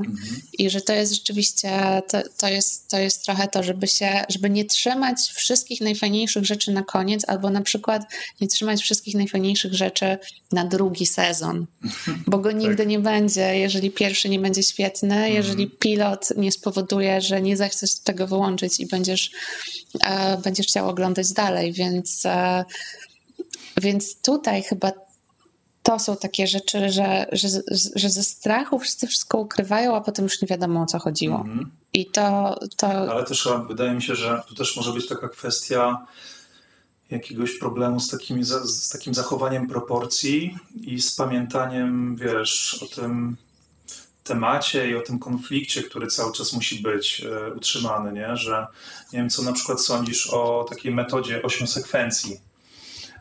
Ale ja na przykład mam takie zdanie i też właśnie to jest, to, to już tutaj słuchacze podcastu dobrze znają, bo też jak analizuję scenariusze tutaj z gośćmi, to często też to wrzucamy w, tą, e, w te osiem sekwencji, ale też w, e, w, też w e, strukturę trzyaktową, tak? Bo tu jakoś w sumie wszystko razem się jakoś fajnie łączy, ale mam takie wrażenie, że w momencie, kiedy to już nawet nie musi być 8 sekwencji, to może być tam właśnie nawet cztery akty, tak? Akt pierwszy, akt 2A, akt 2B przydzielony midpointem i akt trzeci.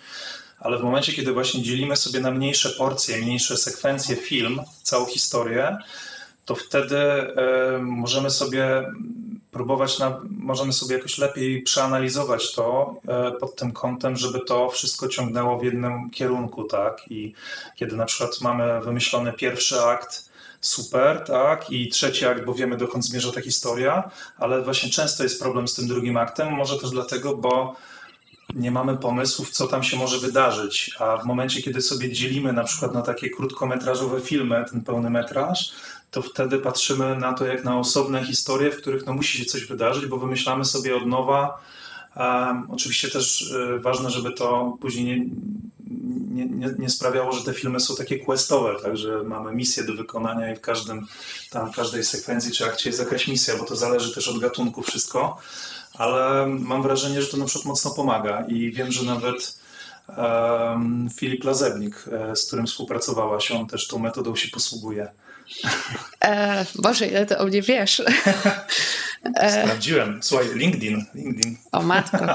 E, no, w sensie tak, to jest bardzo, jest na pewno bardzo dyscyplinujące e, i bardzo pomaga.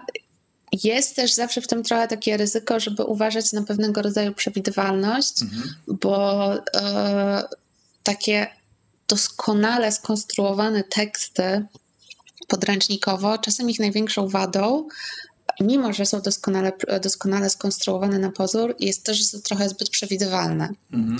E, I na to też wydaje mi się trzeba mocno uważać przy tym, że się tak, tak jakby dzieli rzeczywiście, bo to się sprawdza, to się wtedy bardzo dobrze opowiada, tylko, e, tylko tutaj jest, e, jest takie ryzyko, żeby tam jednak no, nie wiem, dodać jakieś...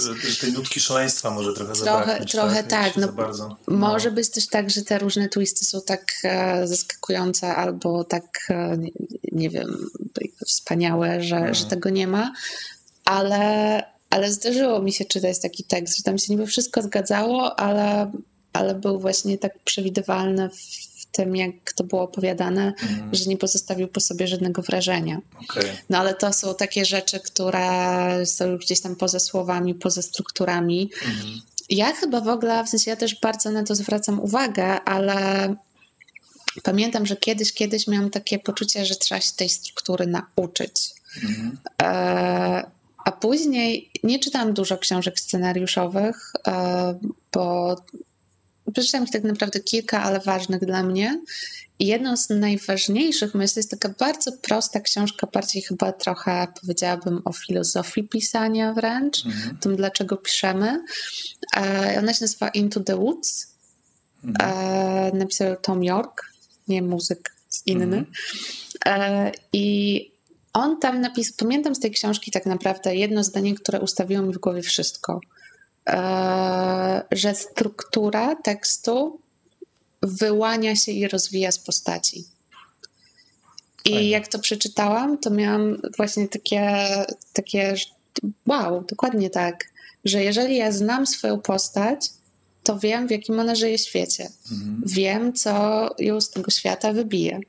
Wiem, jakie ma marzenia, i jaki może sobie postawić cel. Wiem, jakie ma słabości, więc wiem, jakie rzucić jej kłody pod nogi w mhm. drodze do tego celu. Wiem, co tak naprawdę potrzebuję, żeby być szczęśliwa, co może iść w kontrze do tego celu, więc wiem wtedy, jak jakie tam ślady tego dawać e, po drodze wśród tych przygód, żeby ta postać w końcu zrozumiała, że może ten cel to nie jest do końca to, co da to szczęście. Wiem, jak tę mhm. postać upokorzyć i skrzywdzić najbardziej, żeby spadła na koniec tego drugiego aktu, bo wiem, co ją najbardziej zaboli, bo ją znam i wiem, kto jest jej największym wrogiem, wiem, jakie ma motywacje, wiem, z kim się musi zmierzyć, żeby się przemienić i jak powinien wyglądać ten nowy świat. Hmm. Na żadne z tych pytań nie byłabym w stanie odpowiedzieć, gdybym nie znała swojej postaci. I to jest, e, jakby jak to przeczytałam, to poczułam, że no tak, się, ja nie, nie muszę się uczyć żadnej struktury. Mhm. Ta struktura jest w postaci, w człowieku, w historii. I też w tym sensie trochę, trochę chyba mówię, mówiłam na początku o tym, e, że te narzędzia różne scenariuszowe gdzieś tam mam w tyle głowy mhm. i, i w tym sensie idę w w tym pierwszym podejściu, kiedy rzeczywiście nie jesteśmy w takim momencie, że trzeba to rozparcelować, rozpisać na osiem sekwencji, wstawić mhm. prawie matematycznie, to, to idę właśnie za in, intuicją, za postacią i za jakąś próbą zrozumienia tego, kim jest ta postać, e, żeby, żeby z niej wyciągnąć trochę tak jak, e, jak, jak e, włóczkę z kłębka mm. całą tę opowieść, bo, tak. bo dla mnie kino jest o ludziach. Tak. Przede wszystkim. No, no, właśnie, bo to, znaczy ja się zgadzam z tym, że ja na przykład staram się nigdy tak nie robić, że zaczynam od struktury, nie? że najważniejszy właśnie bohater i historia, nawet jakieś e, takie, wiesz, ogólne opowiedzenie i wymyślenie sobie w głowie, czy spisanie w formie jakiegoś krótkiego tekstu.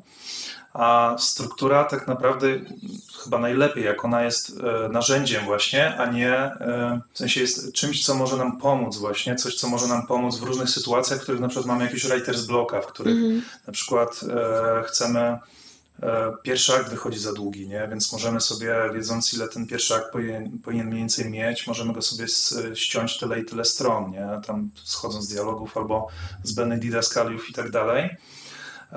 Ale też e, chyba ważne jest, żeby w pewnym momencie, jak się myśli o tej strukturze, też trochę odpuścić tę strukturę i po prostu opowiedzieć tę historię. I, bo też jest coś takiego, że później jak ludzie są na planie, czy montażyści, którzy montują ten film, czy serial, no to oni nie patrzą na tę strukturę, tylko oni właśnie, oni montują tak, żeby to było, oni nie, raczej nie siedzą i nie, nie liczą, że tam w połowie filmu musi być midpoint dokładnie, tak, że jak będzie w 70 minucie, czy w 40, to chyba nie będzie problemu, tak, a jak nie będzie w ogóle w tym filmie midpointu, no to może też nie będzie problemu, no bo, no bo nie wszystko musi być tak... E, opowiedziane dokładnie tak samo, ale ważne jest e, właśnie, żeby, żeby się nie zamykać na to zupełnie, tak, żeby to, to jakby nie, nie opanowało naszego myślenia o, opowiadaniu historii.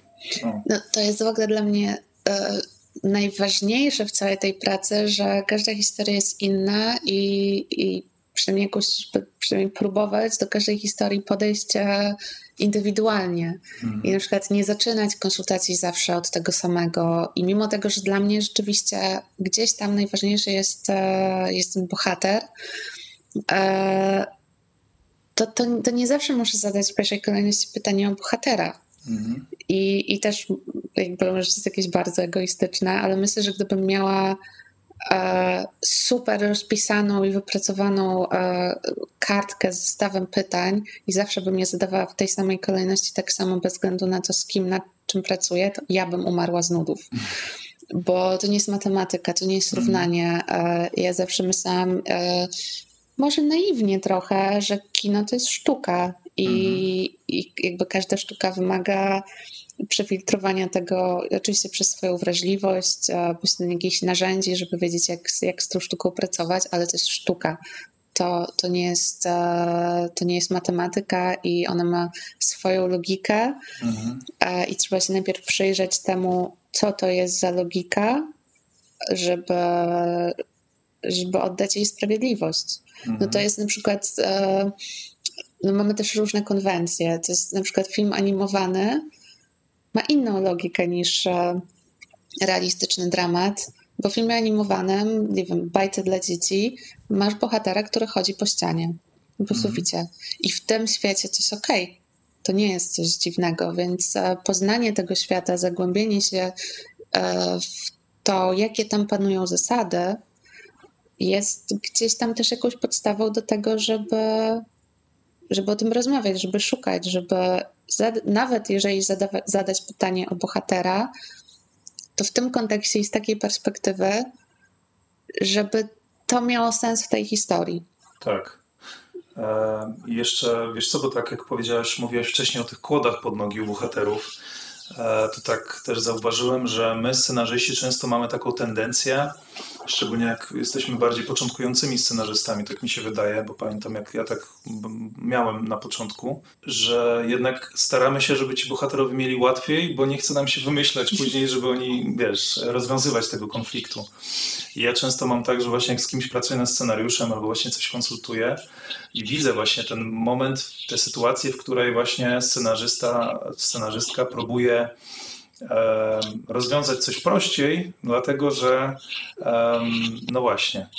I, i to, jest, to jest zawsze tak, że kurczę, w sytuacji, kiedy naprawdę tych konfliktów e, jest dużo, kiedy tych kłód pod te nogi może być dużo, że mogą być różne sytuacje takie konfliktowe i ten bohater im ciężej ma tak naprawdę e, im, im, ciężej mu się coś rozwiązuje, te sytuacje, im, im ciężej do, dąży do tego celu, im więcej musi przeszkód pokonać, tym często, oczywiście to jak historia jest opowiedziana, tak, że mu kibicujemy, no to jest lepsze.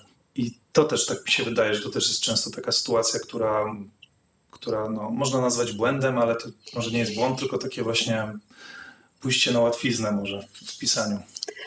Ale to jest bardzo ludzkie. Tak. Tak jak cię słucham teraz, to myślę sobie o tym, że wszyscy chcemy, żeby nam było łatwo, bo to jest łatwe i przyjemne. Natomiast e, to, co jest, to, co prowadzi rzeczywiście, znów rozmawiamy o klasycznym, mhm. klasycznym kinie, w którym jakąś wartością jest e, przemiana.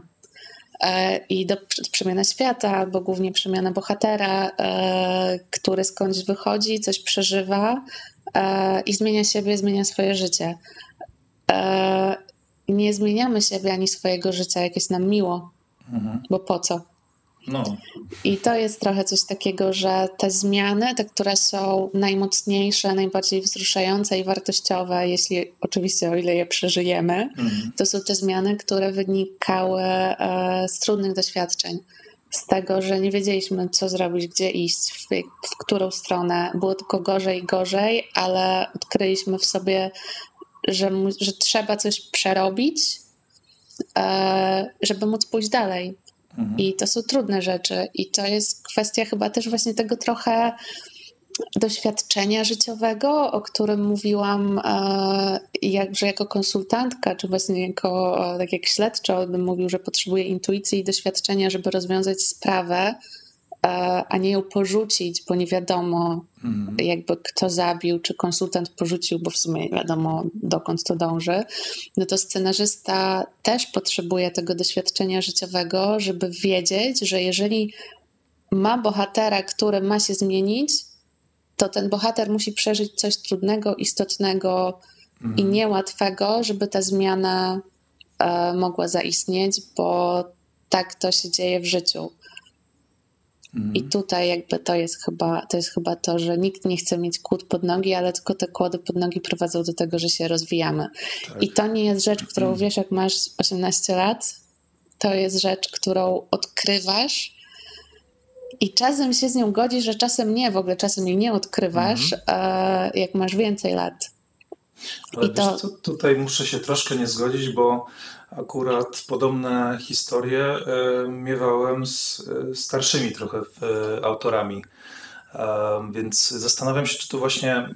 Ale to może jest po prostu, wiesz, to jest tak indywidualna kwestia, że są, że to bardzo jest różnie, ale też wydaje mi się, że to chyba też zależy od jakiegoś naoglądania i od jakiegoś takiego potrafienia spojrzeć na historię trochę, wiesz z innej perspektywy, nie? Nie tylko z perspektywy autora i, i, i wiesz, że bardziej z perspektywy widza, nie? Że na przykład zastanowić się, jak czytam kolejny raz swój scenariusz, czy widz, który to by oglądał, by się w tym momencie nudził na przykład, że wiesz, i to no. są często takie rzeczy, że na przykład e, że na przykład e, konsultant czy jakiś beta reader scenarzyście, scenarzystce może powiedzieć, słuchaj, wiesz co, nie wiem o co chodzi, bo na przykład ktoś może nie znać na konsultowaniu i e, jakiś beta reader e, i może powiedzieć, wiesz co, w tym momencie trochę przynudzasz, nie? I, i jak się nad tym zastanowi, to często się okazuje, że po prostu też dlatego, no bo za łatwo bohaterowi coś idzie, nie?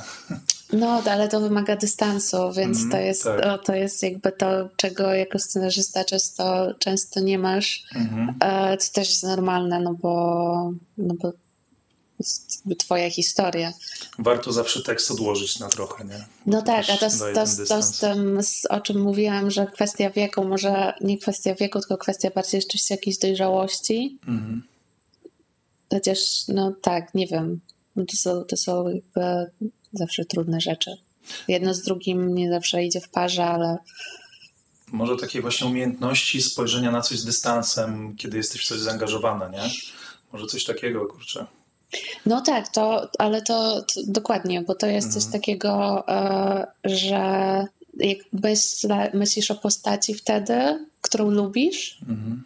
e, to, że jesteś w stanie nie myśleć tylko o tym, że lubisz tę postać i czemu ją spotykają te złe rzeczy, w sumie ją lubisz, to może jakby zdjąć trochę tego, tylko że tę postać, którą lubisz, spotykają te trudne rzeczy, dla dobra tej postaci, mhm. żeby miała większą stawkę, motywację czy naturę swojej przemiany. Mhm. E, I że to jest takie trochę, nie wiem, może jakieś, szukam jakiegoś porównania, trochę No bo nie chcę powiedzieć, że jesteśmy, że scenarzysta jest takim bogiem, który wie już, co będzie później, więc jakby wiesz, musi człowieka doświadczyć, żeby był lepszy, bo to jest jakby nie chcę w ogóle wchodzić w te rejony. Trochę jesteśmy, ale później zaraz, później przychodzi produkcja i, i się okazuje, że my jesteśmy tylko małymi trybikami tak naprawdę. Tak, że są więksi bogowie. tak, że są nadbogowie jeszcze.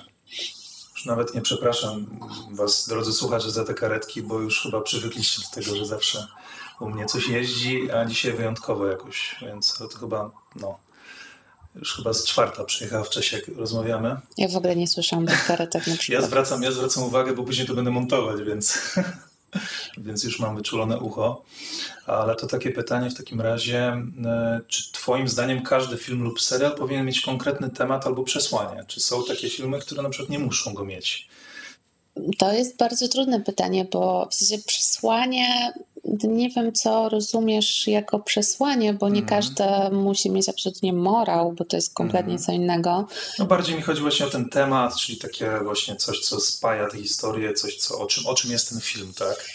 No to jakby dla mnie temat jest bardzo ważny i wydaje mi się, że jak coś nie ma tematu, to się zaczyna trochę rozpływać. Mm. Oczywiście tematu nie mają seriale codzienne. Chociaż, tak, tak. chociaż nie wiem, miewają. No są to, miewają, są to seriale na przykład o, o przyjaźni, o rodzinie. Mhm. E, natomiast, e, natomiast film czy serial taki premium e, wydaje mi się, że, że trudno, żeby nie miał tematu, bo jak nie ma tematu, no to o czym jest? Mhm. Co, do, o, co, co ten bohater i dlaczego przeżywa, no to, to to nie są, i to nie są jakieś, bo to nie chodzi o to, żeby ten temat był jakąś wielce skomplikowaną filozoficzną narracją, mm. ale tematem jest na przykład e, braterstwo, albo przyjaźń, albo miłość. Wszystkie filmy są podobne o miłości, mm. ale na przykład postrzeganej w różnym aspekcie. Tematem jest władza. Dla mnie sukcesja jest i o rodzinie, i o władzy. Mm. Czasem tych tematów jest więcej, czasem trudno jak się już obejrzy gotową rzecz, rzeczywiście że to jest o tym i koniec. Mhm. E, bo jest i o tym, i o tym, i o tamtym. E, natomiast ciężko mi jest sobie wyobrazić oglądanie filmu, w którym ktoś mnie zapyta, o czym to było, a ja nie umiem powiedzieć, jaki był temat tej historii. Mhm. Nawet w tak daleko idącej abstrakcji. Natomiast też myśląc o tym, czy jak konsultuję, czy jak coś piszę, to dla mnie to, jaki tam jest temat, jest kluczowe. Okay. Bo temat mi też w dużej mierze definiuje postaci, sytuacje, nastrój, konwencje, działania. To jest, to jest coś, co jest. E, każdy temat jest w jakiś sposób, w jakimś takim mikro aspekcie, może wyłącznie w mojej głowie, mhm. w każdej scenie. I dlatego później staje się tematem, bo jest czymś, co w jakiś sposób zawisa nad danym filmem, nie wiem, jak parasol e, i spaja to wszystko w całość, chociaż wcale nie musi być takie bardzo oczywiste. Mhm. Ale na przykład, e, nie wiem, w krótszych formach na pewno łatwiej to złapać, ale ja zawsze, ja zawsze o tym myślę. Mhm. Ale wiesz co, tak się właśnie zastanawiam też, bo e, chyba, chyba nawet dzisiaj też powiedziałaś właśnie, że i też to słyszałem, jak e, oglądałem jakieś nagranie z tobą na Scriptfieście tam właśnie o temacie, o, o, o, o tym, o szukaniu tematu. I ja się z tym zgadzam, co tam powiedziałeś, że właśnie e, czasem to, jaki jest temat filmu, to twórcy na to wpadają już gdzieś pod koniec drogi pisania, nie? I zastanawiam się w takiej sytuacji, to o czym był ten scenariusz, zanim wymyśliliśmy ten temat. To nie miał tematu? No miał, tylko może my nie wiedzieliśmy, jaki jest ten temat, ale wiesz, tak, tak sobie myślę, czy, czy zawsze twórcy muszą wiedzieć, jaki jest temat, nie? Czy, to, czy to nam ułatwia później pisanie? Myślę, że konsultacje scenariuszowe często pomagają w dogrzebaniu się do tego tematu, mhm. bo, tem, bo ten jakby temat, czy po angielsku to jest może, e, to nie do końca jest temat, tylko to jest theme, mhm. czyli jakby to coś właśnie, co jest tym spajającym elementem, E, to jest coś takiego, co łatwiej czasem zobaczyć właśnie z dystansu, że rzeczywiście każdy ma jakiś swój proces i na przykład e, miałam taką dawno temu było, więc pozwolę sobie przywołać, bo już tak twórca nawet o tym nie pamięta, a ja nie będę się dzielić na wszelki wypadek nazwiskami i tytułami, mhm. ale rzeczywiście taką konsultację um, filmu gangsterskiego w epoce, jakby bohaterowie, silni mężczyźni, gangsterskie porachunki, kostium, jakby bardzo dużo tego typu akcji, E, w bardzo konkretnej konwencji, takie, takie noir. E, I zaczęliśmy rzeczywiście rozmawiać o tych bohaterach, o relacjach, o sytuacjach. I wyszło z tej rozmowy, że to jest historia o męskiej depresji. Mhm. To jest temat. Mimo, że mamy właśnie strzelankę, akcję yy, i jakby silny gatunek, to że to jest temat i że takim, taką, takim uczuciem. Nie konsultowałaś rodziny Soprano? nie, to, nie była, to nie była rodzina Soprano. Szkoda, może kiedyś e, takie, takie tytuły.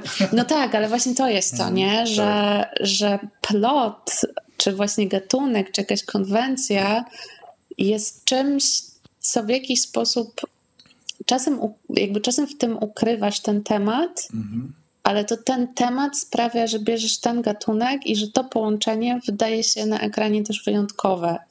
Że, że patrzysz na tak delikatny temat, właśnie, jak, jak powiedzmy męska depresja, mhm.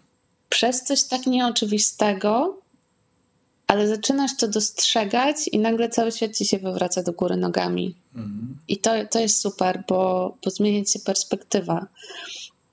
I to było coś, co nie było oczywiste dla twórcy, w sensie nie miał tego nazwane, mhm. E, ale to było oczywiste gdzieś tam podskórnie. Więc to jest trochę też te konsultacje w sensie szukania tematu, czyli o czym tak naprawdę jest ta historia. To jest najtrudniejsze pytanie świata, mhm. ale to trochę e, poszerza to poczucie, że, że to konsultowanie tekstu, oprócz tego, że jest czytaniem ze zrozumieniem, jest też trochę jakiegoś rodzaju terapią czasem, mhm. że rzeczywiście poprzez wydarzenia, które są w tekście, które przeżywają bohaterowie, dochodzisz, dochodzi twórca do tego, co za tym stoi. I to czasem bardzo dużo zmienia na poziomie dalszej pracy nad tekstem i budowania plotu, a czasem tak naprawdę już nie zmienia nic, ale daje tę świadomość, która wpływa też jakoś nas nie wiem, to, to jest jakby bardzo nienamacalne, ale na to, że ten tekst jest spójny. Mhm. Że ten tekst jest rzeczywiście o czymś i to jest takie takie podnoszenie tego tekstu jakby mhm. ponad, że, ponad że ten się, plot. Że może się na przykład wiesz, zdarzyć sytuacja przy którymś drafcie, że tak teraz taki ogólny przykład rzucam, ale, ale tak, żeby też spróbować to zrozumieć, chociaż wydaje mi się, że rozumiem, że to jest też trochę tak, że, że czytasz scenariusz i widzisz, że na przykład jakieś sceny, jakieś, jakaś sekwencja trochę nie pasuje do tej historii, że to jest trochę jakby wyrwane z innego filmu, nie? I czasem, czasem się zdarza, że tak jest, kiedy na przykład konwencja się zmienia trochę, nie? że czasem na przykład jest taki, to jest też często chyba, myślę, e, trudnym, dużym wyzwaniem przy pisaniu komedii, że w komedii trzeba się zdecydować, na ile procent robisz tę komedię. Czy na 100-200% jest totalny absurd i slapstick i tak dalej, czy właśnie bardziej wyważony komediodramat. I czasem faktycznie może się to zdarzyć, nie? Że, że, że jakieś sceny przez to też, że nie mamy zdefiniowanego, teraz bardziej mówię akurat o konwencji, o gatunku, ale też ten temat, myślę, że jak jest bardziej zdefiniowany, to wtedy takie sytuacje, że to wszystko tak się uspójnia, nie? A to wiesz, gdzie jeszcze e, widać temat, albo czasem jest potrzebne określenie tematu, mhm. jak nie wiadomo, jaki jest koniec. Mhm. E, jaki ma być finał tego filmu, e, bo wydaje mi się też, że to e, dlatego też na przykład czy pitching taki mówiony, e, czy jakieś krótkie streszczenie filmu Ważne jest dla mnie, żeby znać tę historię do końca i wiedzieć właśnie, jaki jest finał, bo finał daje mi takie poczucie najgłębsze, o czym tak naprawdę była taka, ta historia. Mhm. bo czasem się zdarza właśnie tak, że nie wiadomo, jak to się powinno skończyć. I kończyć albo kończy się w taki sposób, że, że już takie poczucie czytając okej, okay. myślałam, że to jest historia o tym, a ten finał, który jest mi dany, w ogóle jakoś sugeruje, że to jest czymś innym, albo jakoś właśnie nie pasuje, tak jak ta sekwencja, mm -hmm. o której wspomniałeś. I później pytanie, no dobra, no to skoro z tym finałem jest coś nie tak, to to bardzo często się kończy na pytaniu, ok, ja też czuję, że z tym finałem jest coś nie tak, nie wiem co, ale o czym jest ten film? Mhm. Jaki jest temat tego filmu? Bo może ten koniec, który plot, na poziomie plotu wydaje się ok, ale coś nie działa, bo on nie jest w temacie. Mhm. I tutaj hmm. to na przykład jest, wydaje mi się, bardzo istotne, żeby spróbować to nazwać, żeby, żeby wiedzieć, co się robi. Ale to, to, to jest fajne, o tym, o tym muszę ci przyznać nie słyszałem, żeby tak też sobie o zakończenie, bo często faktycznie tak jest, że ma się pomysł na kilka zakończeń filmu i jedno może być bardziej pozytywne, drugie bardziej negatywne, jedno, jedno może służyć bardziej bohaterowi, jedno mniej, ale faktycznie, no jak służy to zakończenie tematowi, domyka tę te, te historię tak, wiesz, z przytupem, no to wtedy chyba lepiej, nie? Może też otwierać z mm. przytupem, mm. ale w mhm. temacie. Tak. Że nie chodzi, jakby nie chodzi o to, żeby wszystko jakby, wiesz, zamykać i dawać jakieś odpowiedzi, bo też wiem, że twórcy tego nie lubią, mają alergię, mm. jak się tak mówi, ale, ale można zamykając otwierać tylko z sensem. Mm.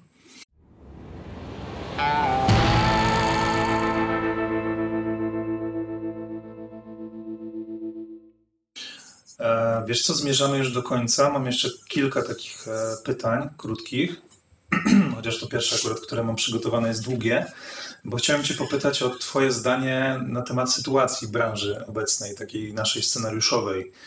E, bo często słyszę takie słowa, że wiesz, branża scenariuszowa w Polsce, tak w cudzysłowie branża, że coraz bardziej się profesjonalizuje, no widać to chociażby po tym, że coraz więcej producentów zatrudnia redaktorów, konsultantów, że no coraz więcej, e, chyba coraz więcej osób pracuje też nad tymi scenariuszami e, na pewno, że mamy gildię scenarzystów, że powstają takie festiwale jak Script Fiesta, mamy bardzo wiele kursów teraz tych warsztatów, to jest naprawdę ogrom, ciężko się nieraz zdecydować. Czy, czy, czy uważasz, że jesteśmy teraz w dobrym miejscu, czy coś jeszcze powinno się zmienić, wiesz, dla scenarzystów w Polsce? To jest bardzo, o matko, to jest bardzo trudne pytanie. Na koniec e, zostawiłem najcięższy temat. No tak, no bo to, e, to są takie też trochę dywagacje, co się powinno mm. zmienić, a co się, co się może zmienić. To ja powiem chyba, jakie mam marzenie okay. w takiej sytuacji, bo, bo trochę właśnie to jest chyba e, ta kwestia jeszcze wciąż braku zaufania o której też gdzieś mówiłeś na początku. E, I to jest cały czas coś, co zostało nierozwiązane, że scenarzysta stoi jakby naprzeciw producentowi e, albo, albo jakby przeciwko reżyserowi, czy inaczej, czy mhm. reżyser jest przeciwko scenarzyście, że, że panuje wciąż to myślenie, że E, reżyser się dopisze, mhm. że producent ukradnie. To jest jakby, ja bym chciała tak naprawdę to zmienić, bo mhm. dla mnie scenarzysta jest absolutnie nieodzownym elementem e, całego teamu, który robi film e, a nie kimś, kto przychodzi na początku, a potem znika, w sumie nikt go nie widział, potem scenarzysta przychodzi na premierę, nikt go nie zna, to daje scenarzyście takie poczucie może, że jest nieistotne. Mhm. I chyba to jest kwestia to w sensie ja nie chcę wchodzić w e, zasady, w, jakby w gildie, e, w umowy. Natomiast to, dla mnie to jest cały czas kwestia rzeczywiście czysto ludzka, żeby było zaufanie, żeby była wspólna praca, mhm. żeby było to poczucie, że wszyscy robimy te filmy razem i bez ani jednej osoby, która jest w zespole, to by się wszystko nie udało. Tak. E, I z tego względu na przykład ja bardzo lubię, kiedy bez względu na to, czy to jest serial, czy to jest fabuła, e, ze scenarzystą, lubię pracować ze scenarzystą, z którą też pracuje reżyser, e, gdzie też producent wie, co się dzieje, na jakim etapie jest tekst, gdzie, gdzie to jest rzeczywiście wspólna praca i wszyscy się czują bezpiecznie. Też może dlatego z drugiej strony, że wszyscy mają podpisane umowy, które ich nie krzywdzą. E, I też uważam, że to jest e, możliwe, i też uważam, że e, w momencie, kiedy scenarzysta dostaje umowę i konsultuje ją z prawnikiem, to to nie jest wymierzone przeciw nikomu, tylko to jest w pełni profesjonalne zachowanie, bo ja sama nie rozumiem wszystkich zapisów w umowach i też czasem muszę coś skonsultować, żeby mieć świadomość tego, na, co- na co się zgadzam i pracować w, jakby w poczuciu bezpieczeństwa i, i tym się zajmować, tworzeniem, a nie przepychaniem się. Tak, tak. Mówisz bardzo, wiesz, super, no jakby wyjęłaś mi wiele słów z ust. E, Ja się z tym zgadzam, że, że to jest też tak, że wiesz, nasza branża się profesjonalizuje, zmienia się, mamy coraz więcej producentów, którzy naprawdę patrzą i reżyserów, który, którzy patrzą, wiesz, na, na, na, na scenarzystów, ale też na współpracę z scenarzystami, e, tworzenie filmu właśnie jak na taką rzecz, taką kooperację, że robimy coś razem fajnego, żeby pokazać coś fajnego widzom. Ale faktycznie wciąż zdarzają się takie, takie różne sytuacje. Teraz mieliśmy na przykład w Gildii Scenarzystów Polskich. E, to chyba mogę trochę zdradzić, bo już ostatnio jakiś czas temu post o tym napisałem e, na tym, na Natural Born Writers, że w e, naszej gildii trwają takie prace nad, nad, nad stworzeniem takiego dokumentu, w którym przedstawimy takie dobre praktyki, taki zespół dobrych praktyk, które chcielibyśmy, żeby były, takie właśnie też nasze marzenia, tak? Um, ale też które, taki, e, te dobre praktyki, które będą też przegadane z e, różnymi środowiskami producentów, reżyserów, że to nie będzie tak, że my będziemy tutaj, wyjdziemy nagle i powiemy, żądamy tego, tego i tego i nie obchodzi nas w ogóle wasze zdanie, tylko my mamy świadomość, że te filmy robimy razem, tak? I, i chcemy właśnie zacząć e, rozmawiać o tym i mówić, co nas boli, żeby, żeby może producenci, reżyserzy powiedzieli, co im się nie podoba w, u niektórych scenarzystów w zachowaniu, oczywiście bez personaliów, ale tak ogólnie, generalnie. No i przeprowadziliśmy taką ankietę, w której e, scenarzyści, scenarzystki z naszej gildii e, anonimowo opisali różne sytuacje, pozytywne i negatywne, no i tak mam wrażenie, że tak wiesz, taka smutna się wyłania z tego taka jakaś refleksja, że, że, no, że nie jest idealnie, szczególnie właśnie jeśli chodzi o, o, wiesz, o pracę scenarzystów na e, wczesnym etapie developmentu, nie? kiedy często właśnie nie ma finansowania na to i tak dalej. Ale, ale tak, no wszystko tak naprawdę wynika, wszystko tak naprawdę zależy od tego szacunku, od tego właśnie partnerskiego podejścia, tak, no, że bez scenarzystów, e, bez scenariusza nie ma filmu, tak, ale też bez producenta i reżysera i innych twórców nie ma scenariusz jest tylko tekstem, który można schować do szuflady, więc, e, więc no, no mam nadzieję, że to się zacznie zmieniać też, ale, ale tak jak to obserwuję sobie z boku trochę i trochę się, trochę się angażuję, trochę z boku, to mam wrażenie, że w dobrą stronę to idzie, więc ja jestem dobrej myśli też patrząc na to, jak, e, co się wydarzyło za oceanem, Moim zdaniem to jest naprawdę ewenement i jakaś rewolucja, e, czyli ten strajk scenarzystów, który jednak doprowadził do tego, że no, te największe studia trochę no, musiały się ugiąć e, pod tym, co pod żądaniami twórców. E, To jednak pokazuje, że też my jako twórcy mamy też jakąś siłę, a nie tylko powiedzmy, wiesz, e, pieniądz i korporacja i władza, tak, że to nie jest najważniejsze. To ja bym to podsumowała chyba tylko tym, że najważniejsze jest to, żeby ze sobą rozmawiać e, w szacunku i nie właśnie nie antagonizować się zupełnie bez powodu, bo to donikąd nie doprowadzi. E, I super jest to, co powiedziałeś, że, że chcecie stworzyć e, rzeczywiście taki, taką listę dobrych praktyk, ale nie pod postacią żądań Mhm. z waszej strony, tylko rzecz wypracowaną w środowisku, bo, bo często jest tak, że, że jedne piony trochę nie zdają sobie sprawy z tego, jak wygląda praca innych i mają oczekiwania, które są zwyczajnie nierealistyczne albo które sprawiają, że ta praca innych staje się niemożliwa, więc wypracowanie czegokolwiek razem i ze świadomością tego, jak wygląda moja sytuacja, ale też z empatią do tego, jak wygląda sytuacja w szerszym kontekście, no myślę, że to jest, e, to jest super opcja, więc kibicuję. Mhm.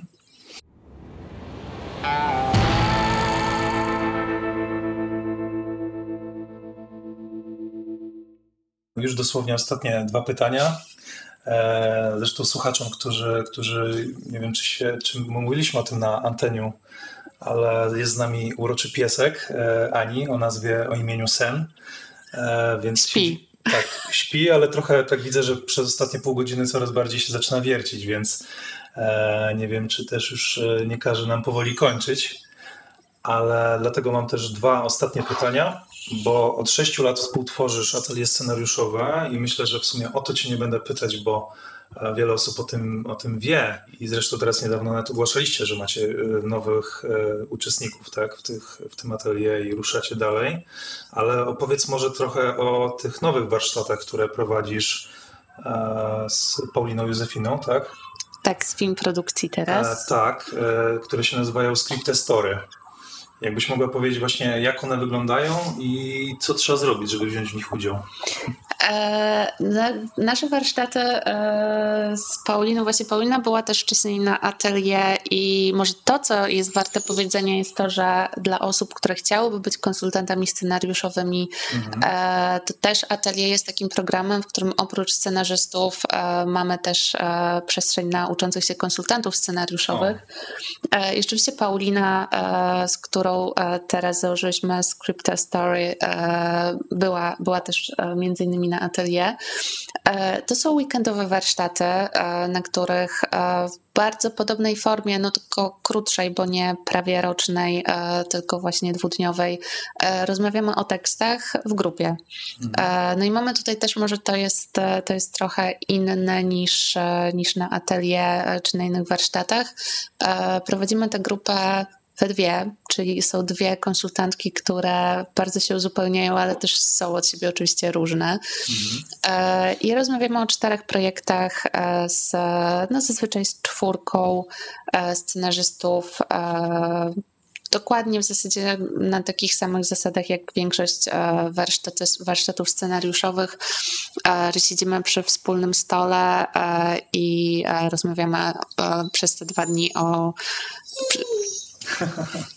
Piesek już chce iść. Tak, już e, I rozmawiamy o projektach.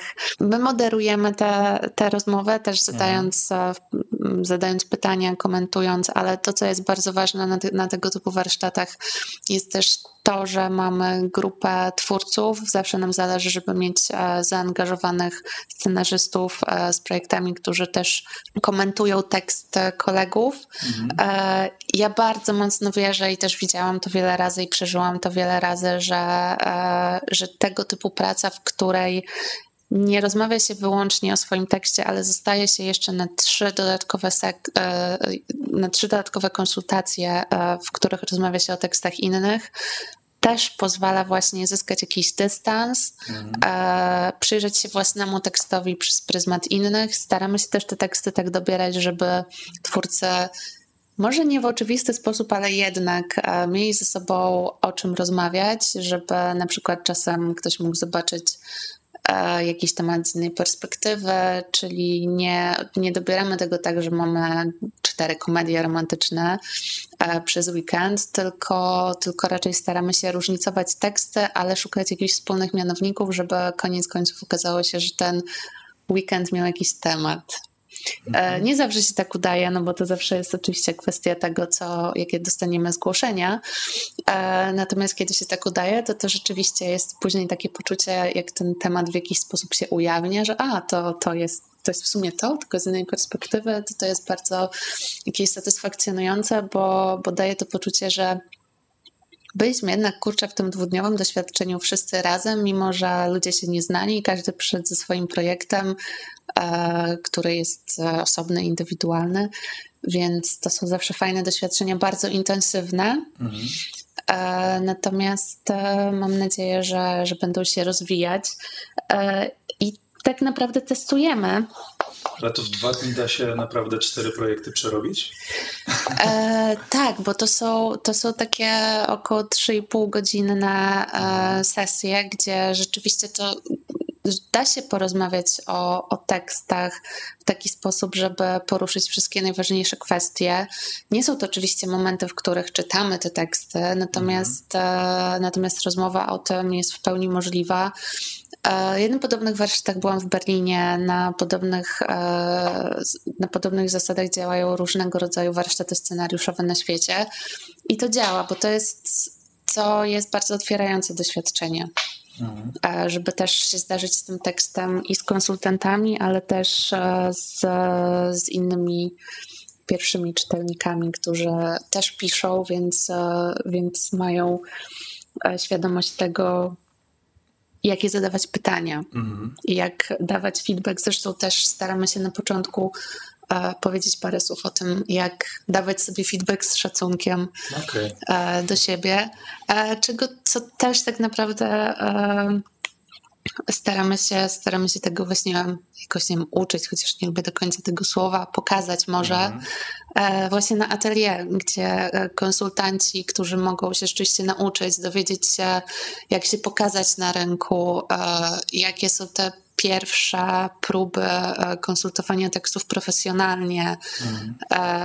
jak w ogóle pokazać, że się istnieje, z kim rozmawiać, no to to też to daje właśnie atelier, gdzie Rozmawiamy też dużo właśnie o takich rzeczach bardzo e, no, teoretyczno-praktycznych, ale też e, konsultanci mają zajęcia ze mną, ale też to, co jest też wydaje mi się najważniejsze, uczestniczą przez e, całe miesiące warsztatów, czyli przez cały cykl e, pracują w grupach e, z tutorem, przyglądają się, uczą, ale też absolutnie uczestniczą w tych rozmowach, mhm. żeby się zmierzyć z tym doświadczeniem też w praktyce. No i zawsze jakiegoś rodzaju warsztaty, takie czy inne, polskie czy międzynarodowe, e, to już jest przestrzeń, gdzie można poznać innych ludzi, gdzie można poznać twórców, producentów e, i też później innym producentom powiedzieć, że byłam tam i tam, robiłam to i to. Więc to już jest e, coś, co pozwala spróbować zaufać. Mhm. Słuchajcie, nie wiem jak wy, ale mnie Ania zachęciła, szczególnie na te e, też warsztaty e, dla konsultantów, bo, bo, bo, to mnie też bardzo, bardzo ciekawi, przynajmniej mnie osobiście. E, ostatnie pytanie, jakie zadaję wszystkim tutaj w podcaście, czyli jaki film, serial lub książkę, którą ostatnio czytałaś albo oglądałaś, e, chcesz polecić naszym słuchaczom? To ja, ponieważ dużo czytam, nie, nie mniej oglądam, ale jednak jest taka książka, e, którą czytam już jakiś czas temu, ale która bardzo we mnie została i wydaje mi się, że jest, mogłaby być bardzo przydatna filmowcom. Mhm. E, I to jest książka e, Jonathana Francena Na rozdrożu. To jest książka o rodzinie, mhm. która każdy z członków tej rodziny znajduje się na jakiegoś rodzaju rozdrożu. Natomiast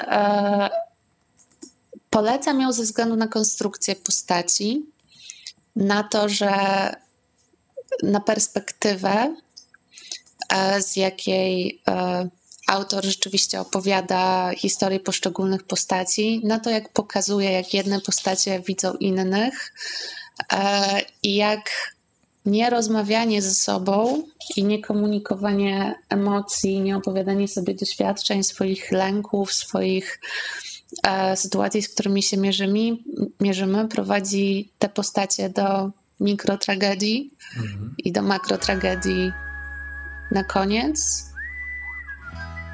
która nie jest jakąś, gdzieś jest absolutnie jakąś wielką apokalipsą, e, ale jest opowieścią o braku komunikacji, z której rodzi się niemiłość. Mhm.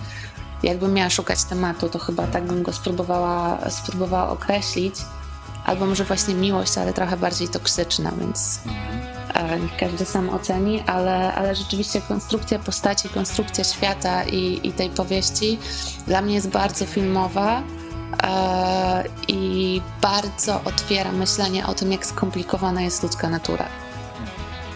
A poza tym sukcesję oczywiście polecam. Sukcesja zawsze. Sukcesja zawsze. Dobrze, słuchaj, e to, to wszystko na dzisiaj. Dziękuję. Dziękuję bardzo. bardzo. Wspaniale się z Tobą rozmawia. Wzajemnie. I wspaniale się patrzy na Twojego pieska. On już ewidentnie po prostu Chce się ruszyć, tak? chce się ruszyć, ale spał No, przez spał wszystkie długo. te godziny. Spał długo. Tak? Dobra. No to- Dziękuję no to bardzo. Dzięki, cześć. Kolejny draft już za 4 tygodnie, w środę o godzinie 21. Gorąco zachęcam Was do śledzenia naszego Facebooka i Instagrama, gdzie wrzucam wszystkie aktualności, ale nie tylko. Chcę też, żeby nasze social media służyły jako swego rodzaju motywator dla scenarzystów i innych twórców. Dlatego gorąco zachęcam Was do odwiedzania nas, gdy na przykład macie gorszy dzień i chcecie się zmobilizować do kreatywnej pracy. Koniecznie dawajcie też znać w komentarzach, jak Wam się podobała rozmowa. Partnerami podcastu są Gildia Scenarzystów Polskich i Biblioteka Scenariuszy Filmowych.